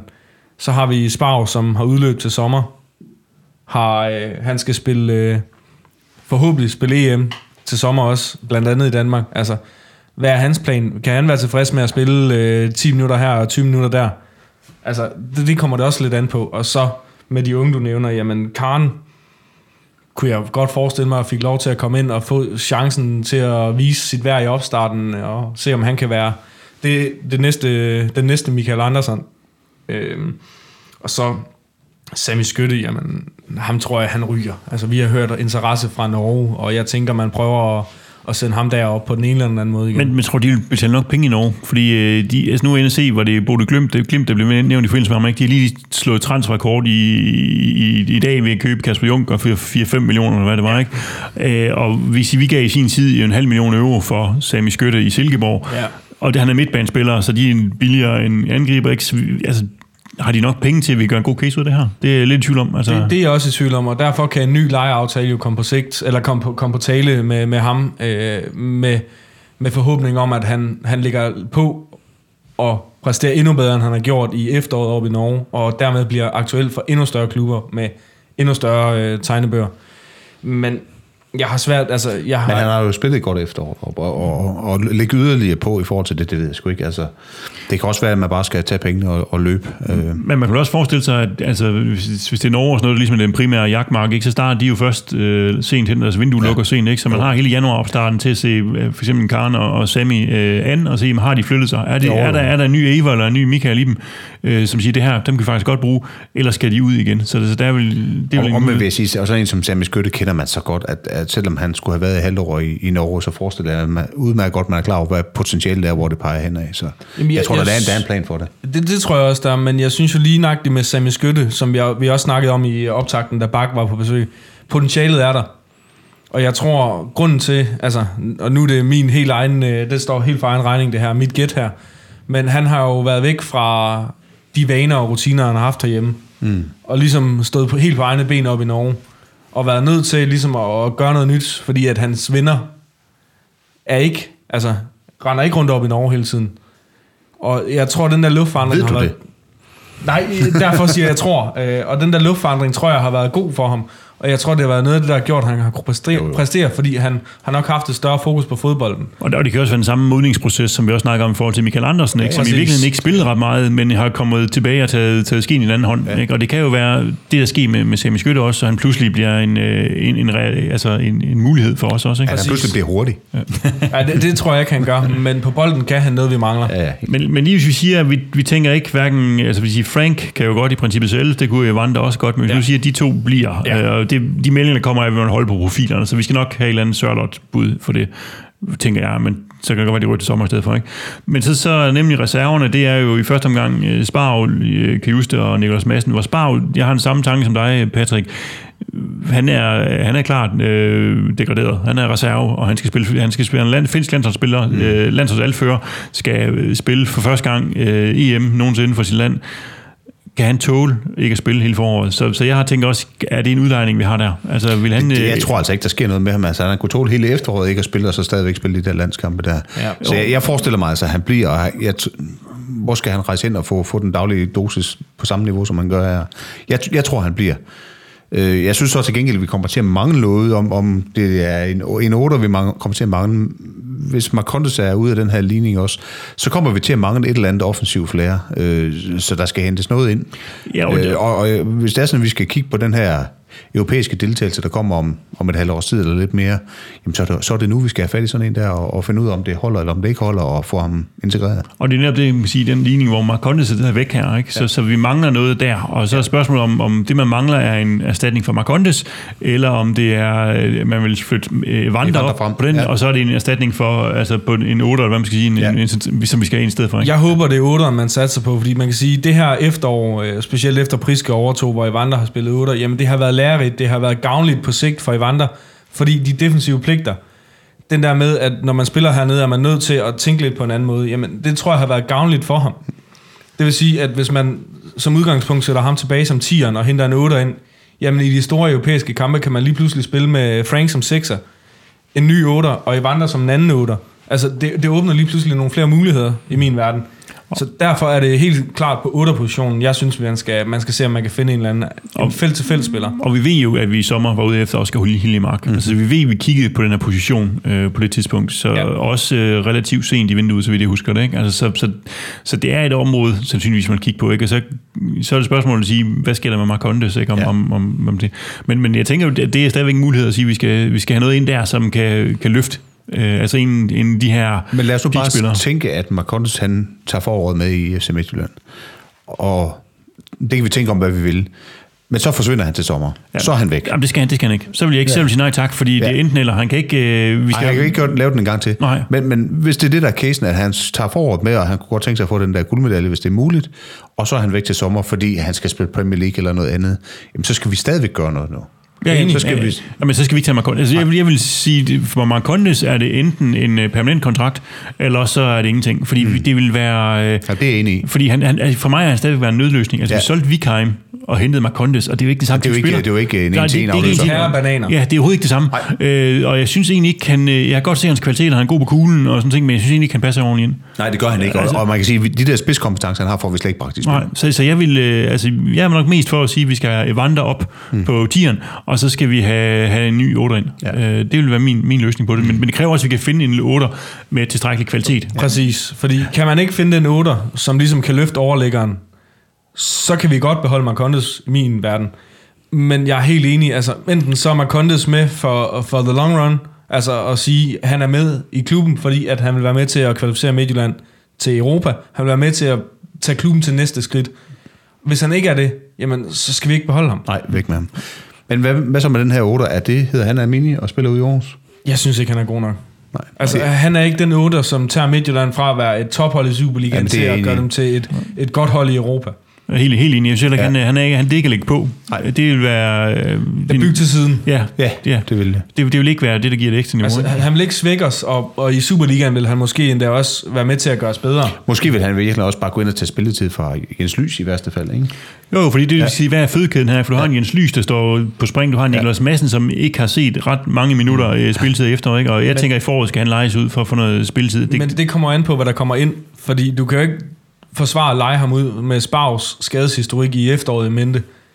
Jamen, I min verden, så ryger Spav. Og sige, han skal han tage afsted. Vi vil ikke forlænge med ham. Han er, det, vi tog opgøret med den ene af de gamle mænd øh, i sommeren. Ja. Vi tager den, næste gang, han til vinter. Han ryger, men han ryger ikke for til sommer. Øh, Jeg tror også først, når han ryger til sommer. Jeg tror, han skal ud af spilletid for at være klar til, ja. til Finland. Så han ryger der. Så leger du Niklas Madsen ud, så har du Kajuste, så får du, øh, så får du en, en, en ny mand ind. Så har du øh, øh, fire, så skal du også have Torp og de andre ud på, på Ja, lejeaftaler. enig med Torp. Torp Øh, har været ude et helt år. ja. Ja. Han trænger til at komme ud og få, få kampe.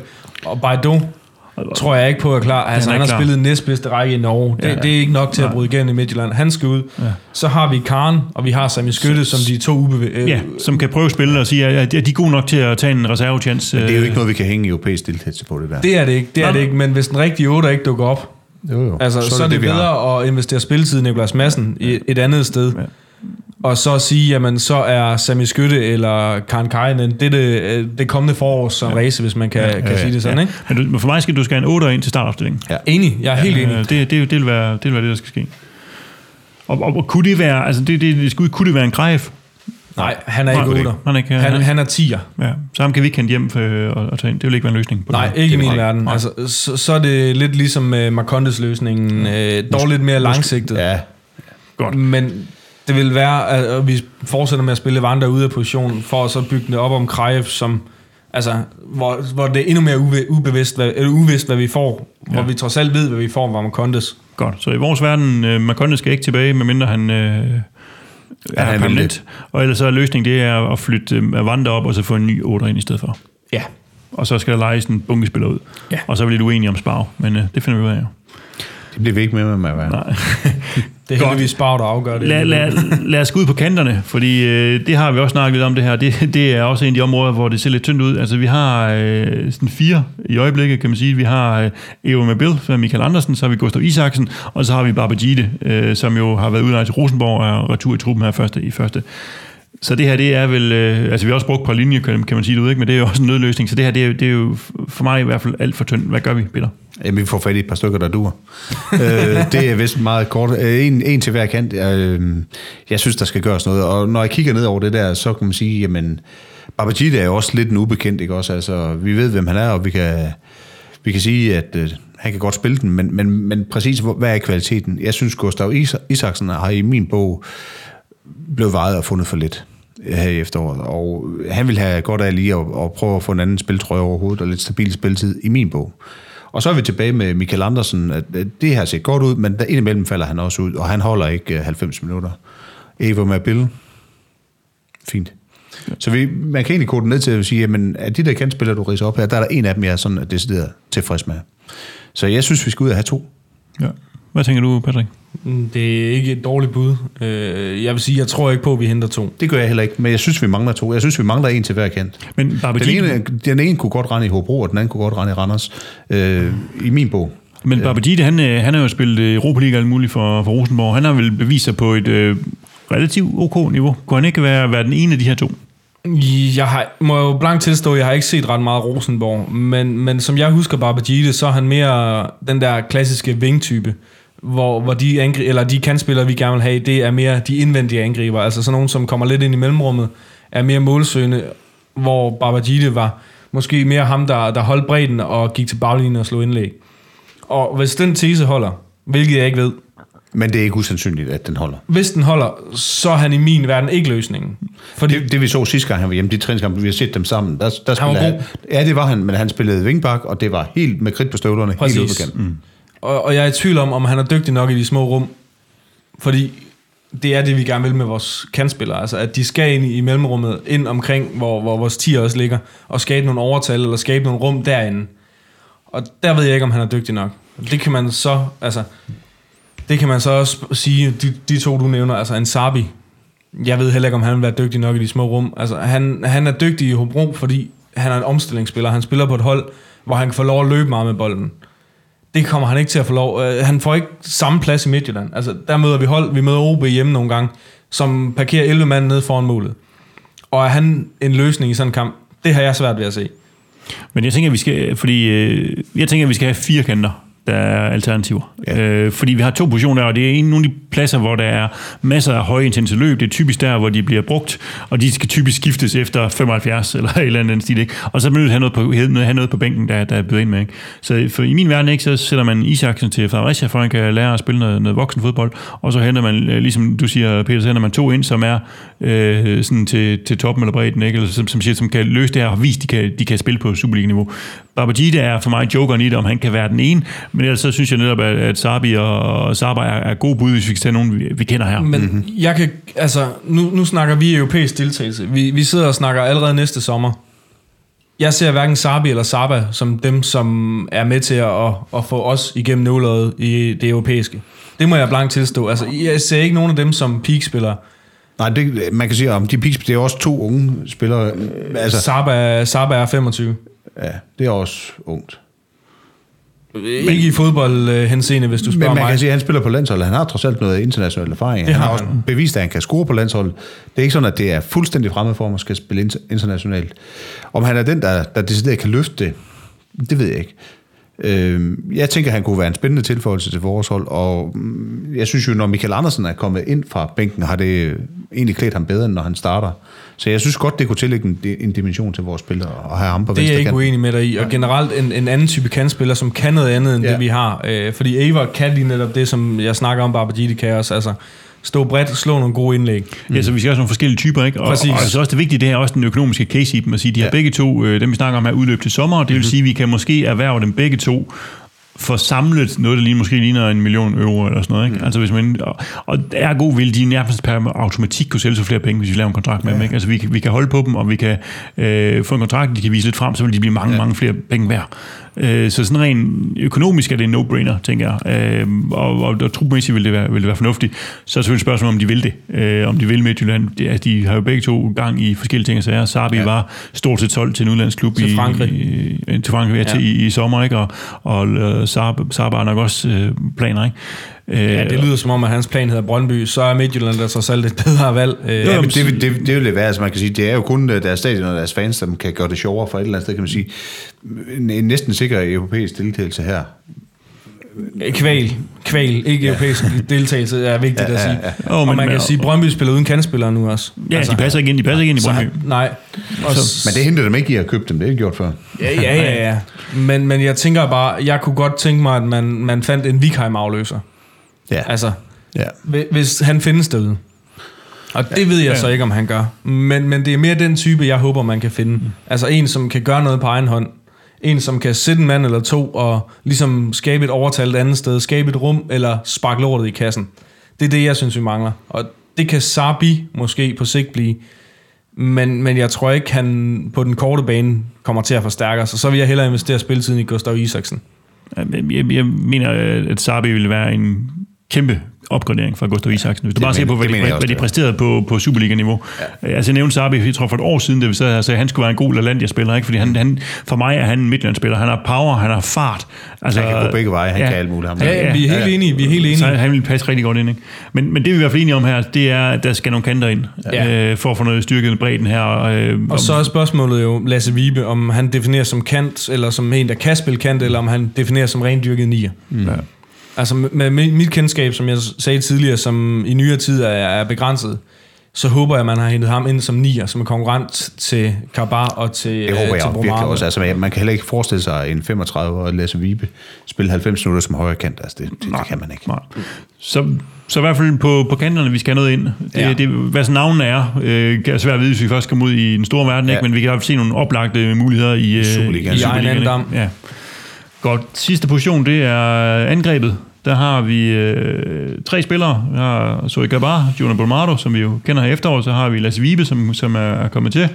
Så får vi faktisk også Marion George tilbage fra Vålerenga, øh, og Jakob Thomsen fra øh, Hafnir Fjordur. Øh, jeg tror godt, vi kan tage, tage Jakob ud af ligningen her. Han er nok ikke øh, relevant. Marion George, ja, ham har vi også set. Det er vel, det er vel ikke øh, sådan, vi tænker, at han skal gøre sit store øh, comeback og har skiftet fuldstændig mentalitet af, hvad deroppe. Så øh, har vi brug for, for yderligere firepower her i front, eller er det, er det nok det? Det har du allerede selv svaret på, har du ikke det? Men med det der, vi har spillet kun én. Vi spiller kun én angriber, ikke? Ja. så det er jo begrænset, hvor mange vi, vi skal have. Vi skal måske i min verden have tre. Ja, vi skal, Ja. vi skal have tre. Det, det er minimum og maksimum, er lige ved at sige. Altså, og det har vi jo med Kabar, Juni, øh, Vi Blomado har, og vi har Vibe. vel fire her. Jamen, nej, fordi Ja, at du skal kan lege. godt smide Myron George af helvede til, for at sige det pænt. Øh, ham har jeg allerede smidt af helvede til i hvert fald.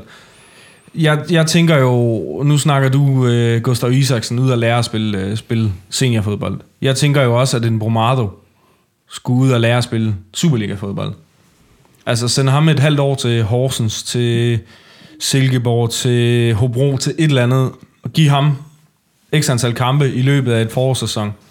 kunne godt være en god investering. Men jeg, jeg, jeg har også tænkt det samme at sige, at han er godt en udlejer. Det tror jeg, han vil have. Jeg tror, han er rigtig godt at spille. Jeg er bare svært ved at se, hvor. Fordi når du kigger ned i, i den type klubber, du nævner der, så kommer de til, til at være i en hissig overlevelseskamp mm. uh, i efteråret, ikke? eller i foråret. Tør de satse på en Bromado, der ikke har scoret noget mål, som er lav på selvtilliden? Øh, Det er jeg bare ikke sikker på. Jeg er ikke sikker på, at, at, at han vil få spilletiden der, og de vil se ham som særlig ideel. Og hvis du flytter ham ned i første division, eller sådan noget, altså det, det, Nej, det skal han ikke. Han skal spille Superliga, ja. hvis han skal udlejes.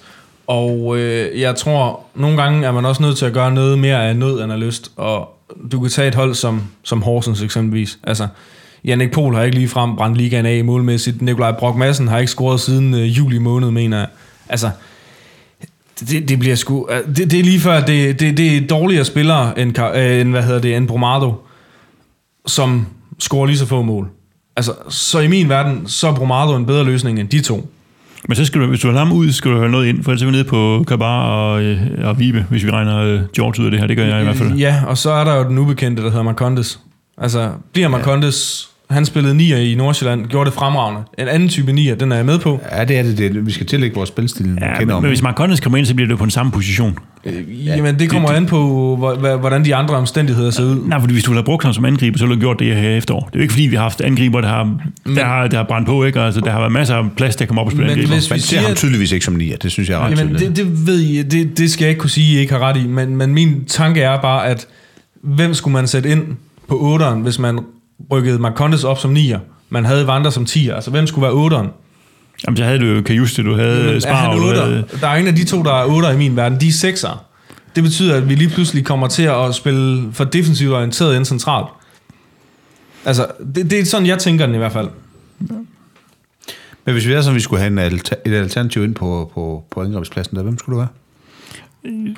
Jeg har ikke nogen navne, og de må jo også se på den liste af navne, vi har her, ikke? at der er ikke mange velkendte. Det er Artem Dovbyk, uh, Jonas Bromarte, så jeg kan bare, hvor mange kendte dem, men så, så, vi har fisket efter dem uh, ud. Altså, man kunne, jo- jeg ved ikke, om man kunne spekulere i, hvis man skulle have Jonas Bromarte ud og sige, jamen, kan har man en klausul om, at man kan hente Dovbyk hjem, for eksempel. Men er det bedre? Han har jo skudt flere mål end Bromarte. Ja, det har alle jo. ja jo, men Jeg det, ikke. det, det, er da, det er da, på en eller anden måde, ikke? han har fået på ret få spilminutter, han har trods alt scoret et par mål nede i Sønderjysk, har han fået lidt selvtillid, men Nej, han skal blive Haderslev et halvt år mere. Altså, og så må vi se til Men, sommer, om men han hvis, han sidder på, hvis han sidder på bænken nede i Haderslev, som han gør i øjeblikket, så kan han sgu lige så godt sidde på bænken og få indhoppende hos os. Det er vi enige i, men er det ikke bare at, at for vores vedkommende at skifte det ene spørgsmålstegn med det andet spørgsmålstegn? Jo, jo, men, men der er ingen grund til, at han er nede. Altså, han får ikke noget ud af at sidde nede på bænken dernede. Så kan han lige, så godt, så kan lige så godt være hos os og få de samme indhop, som Bolmaro får. Mm. Altså, hvis han alligevel kun får den mængde spilletid, så, så er der ingen grund til at være i Sønderjyske. Jamen, i- det, i det er vi enige i. Øh, men jeg tror trods alt, man i Midtjylland vil vælge Bromarte over Artem. Og det er jo fordi, at jeg ser selv et større potentiale i Bromarte. Jo, jo, fordi man har en større investering i ham, ikke? Altså, man har bundet 14-16 millioner op i ham. Den skal man beskytte, den investering, ikke? Så hvad tror vi, der sker på den her angriberfond? Altså, Jeg tror ikke på, at der kommer til at ske noget. Jeg vil ønske, der skete noget, men det tror jeg ikke, der gør. Der sker ikke noget ind. Nej, nej, jeg, jeg tænker også, at man har investeret 40 millioner i de her angriber. Ja. altså, det, Ja, det skal lykkes. det skal lykkes. Det har Ja. man ikke. Altså, vi er ikke FCK, vi kan ikke smide angriber Nej, nej, nej. til en pris. Øh, er fri. det var en joke, hvis det, skulle, øh, hvis det ikke skulle fremgå meget tydeligt, skal jeg lige skynde mig at sige, så jeg ikke bliver stemplet som sindssyg.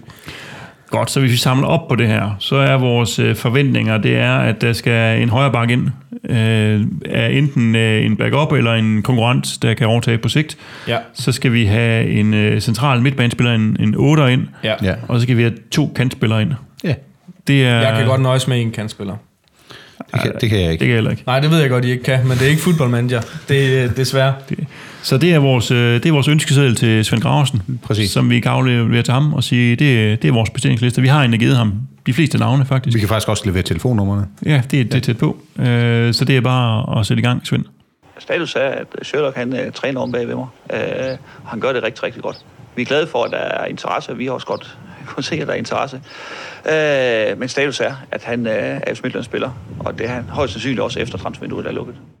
Dermed er slut med Sovs Snak for denne gang, for i år og for dette årti. Husk, at du kan følge podcasten på Facebook og Twitter under profilen Sovs Snak Podcast, ligesom det er muligt at sende input og feedback på hashtagget Sovsnak.